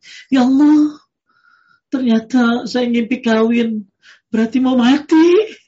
ya, ya, nah jadi stres dia. Jadi yang harus anda lakukan apa? Hasbi Allah wa ni'mal wakil. Cukuplah Allah sebagai sandaranku. Cukuplah Allah ya yang menjadi uh, menjadi pedom uh, menjadi apa uh, aku bertawakal kepadanya gitu loh. Ya. Jadi jangan dicari lewat mimpi. Ya apa jangan cari tafsir mimpi. Jangan ya kurang kerjaan kayak begitu. Dulu saya gitu kan cari lagi zaman lagi zaman jahiliyah nyari ya oh gigi copot wah ini ada yang mati ya ya jadi stres kita. Ya cukup. Hasbi Allah wa ni'mal wakil. Ya. Tapi bisa jadi ada mimpi-mimpi yang memang jadi petunjuk kan seperti mimpi dia di kamar mandi terus. Mimpinya ada di kamar mandi. Mimpinya ada di tempat sampah terus. Nah ada yang saya baca dari sebuah buku tentang rukyah. Itu dia ada jin di dalam tubuhnya yang mengganggu dia maka harus dia lakukan apa? Rajin sholat. Rajin apa? Zikir pagi dan sore. rajin apalagi pokoknya yang ibadah-ibadah jadi rajin ya insya Allah nanti selesai itu nah, itu yang saya tahu Allah alam ya itu mungkin berdasarkan penelitian karena kan setan banyak di mana kan di kamar mandi kan kamar mandi oh. kamar mandi ya makanya ada yang bilang kalau ngipi di kamar mandi hati-hati apalagi sering nah itu maka dia harus rajin-rajin zikir ya rajin-rajin baca al-baqarah Nah, masih banyak nggak? Ada ada dua yang ya, apa ya. di out of topic ini Ustaz. Dua lagi ya. Tapi sih dua lagi ya. Sakit perut? Ya, ya, ada dua. Okay. Cepat aja nih mungkin Ustaz, apa hukumnya beramal berdasarkan aturan yang menyelesaikan hukum Islam? Apakah kalau, syirik Ustaz? Ah, enggak, kalau misalnya apa contohnya? Misalnya kalau misalnya kayak tatahlilan itu bukan syirik, itu namanya bid'ah. Ya, bid'ah itu apa? Bid'ah itu beramal yang tidak ada contohnya dari Nabi. Ya, jadi bukan syirik. Kalau syirik mah menduakan Allah. Ya, meminta kepada selain Allah. Percaya ada yang bisa, ada yang apa tadi, ada yang oh sial, ini sial, itu syirik kayak begitu. Banyak ya bab syirik ya. Mudah-mudahan ibu bisa terus ikut. Ini kita baru bab tujuh bu. Ya, babnya banyak. Lanjut, ya, nah. Ustaz, ini terakhir Ustaz untuk malam ini. Assalamualaikum Ustaz. Mau tanya apa hukumnya baca doa akhir dan awal Muharram? Itu namanya bid'ah. Bid'ah. Ya, karena doa mah tiap hari. Nggak ada doa awal tahun, nggak ada doa akhir tahun. Oh, ini nanti banyak WA tuh. Nanti sore ya baca doa awal akhir tahun. Nanti maghrib baca awal tahun. Yang nyebarin gitu ya nggak tanggung-tanggung. Orang-orang yang memang nggak sesuai sunnah. Ustadz-ustadz yang nggak ngerti sunnah gitu loh. Jadi nggak ada doa awal tahun, akhir tahun. Jadi doa mah kapan aja. Anda mau doa kapan saja silakan. Jadi nggak boleh menghususkan sesuatu yang nggak dikhususkan. Baca Al-Kahfi hari Jumat boleh dong nggak? Karena ada dalilnya, gitulah. Kalau baca Yasin gimana Pak? Baca Yasin mah kapan aja, tiap hari juga boleh. Nggak boleh ditentukan hari Jumat.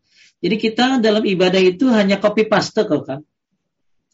Jangan di cut, jangan di apa?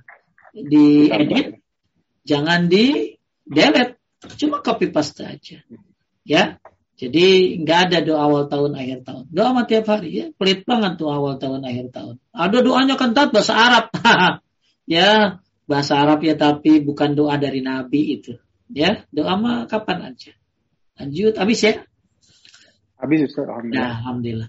Bapak Ibu sekalian ya kan Allah, tak henti-henti. Saya minta ibu-ibu semua berdoa ya, lagi sujud sebelum salam agar masalah COVID ini segera berakhir. Ya, juga jangan lupa sampai pakai masker, jaga kesehatan semuanya. Tauhidnya dibagusin ya.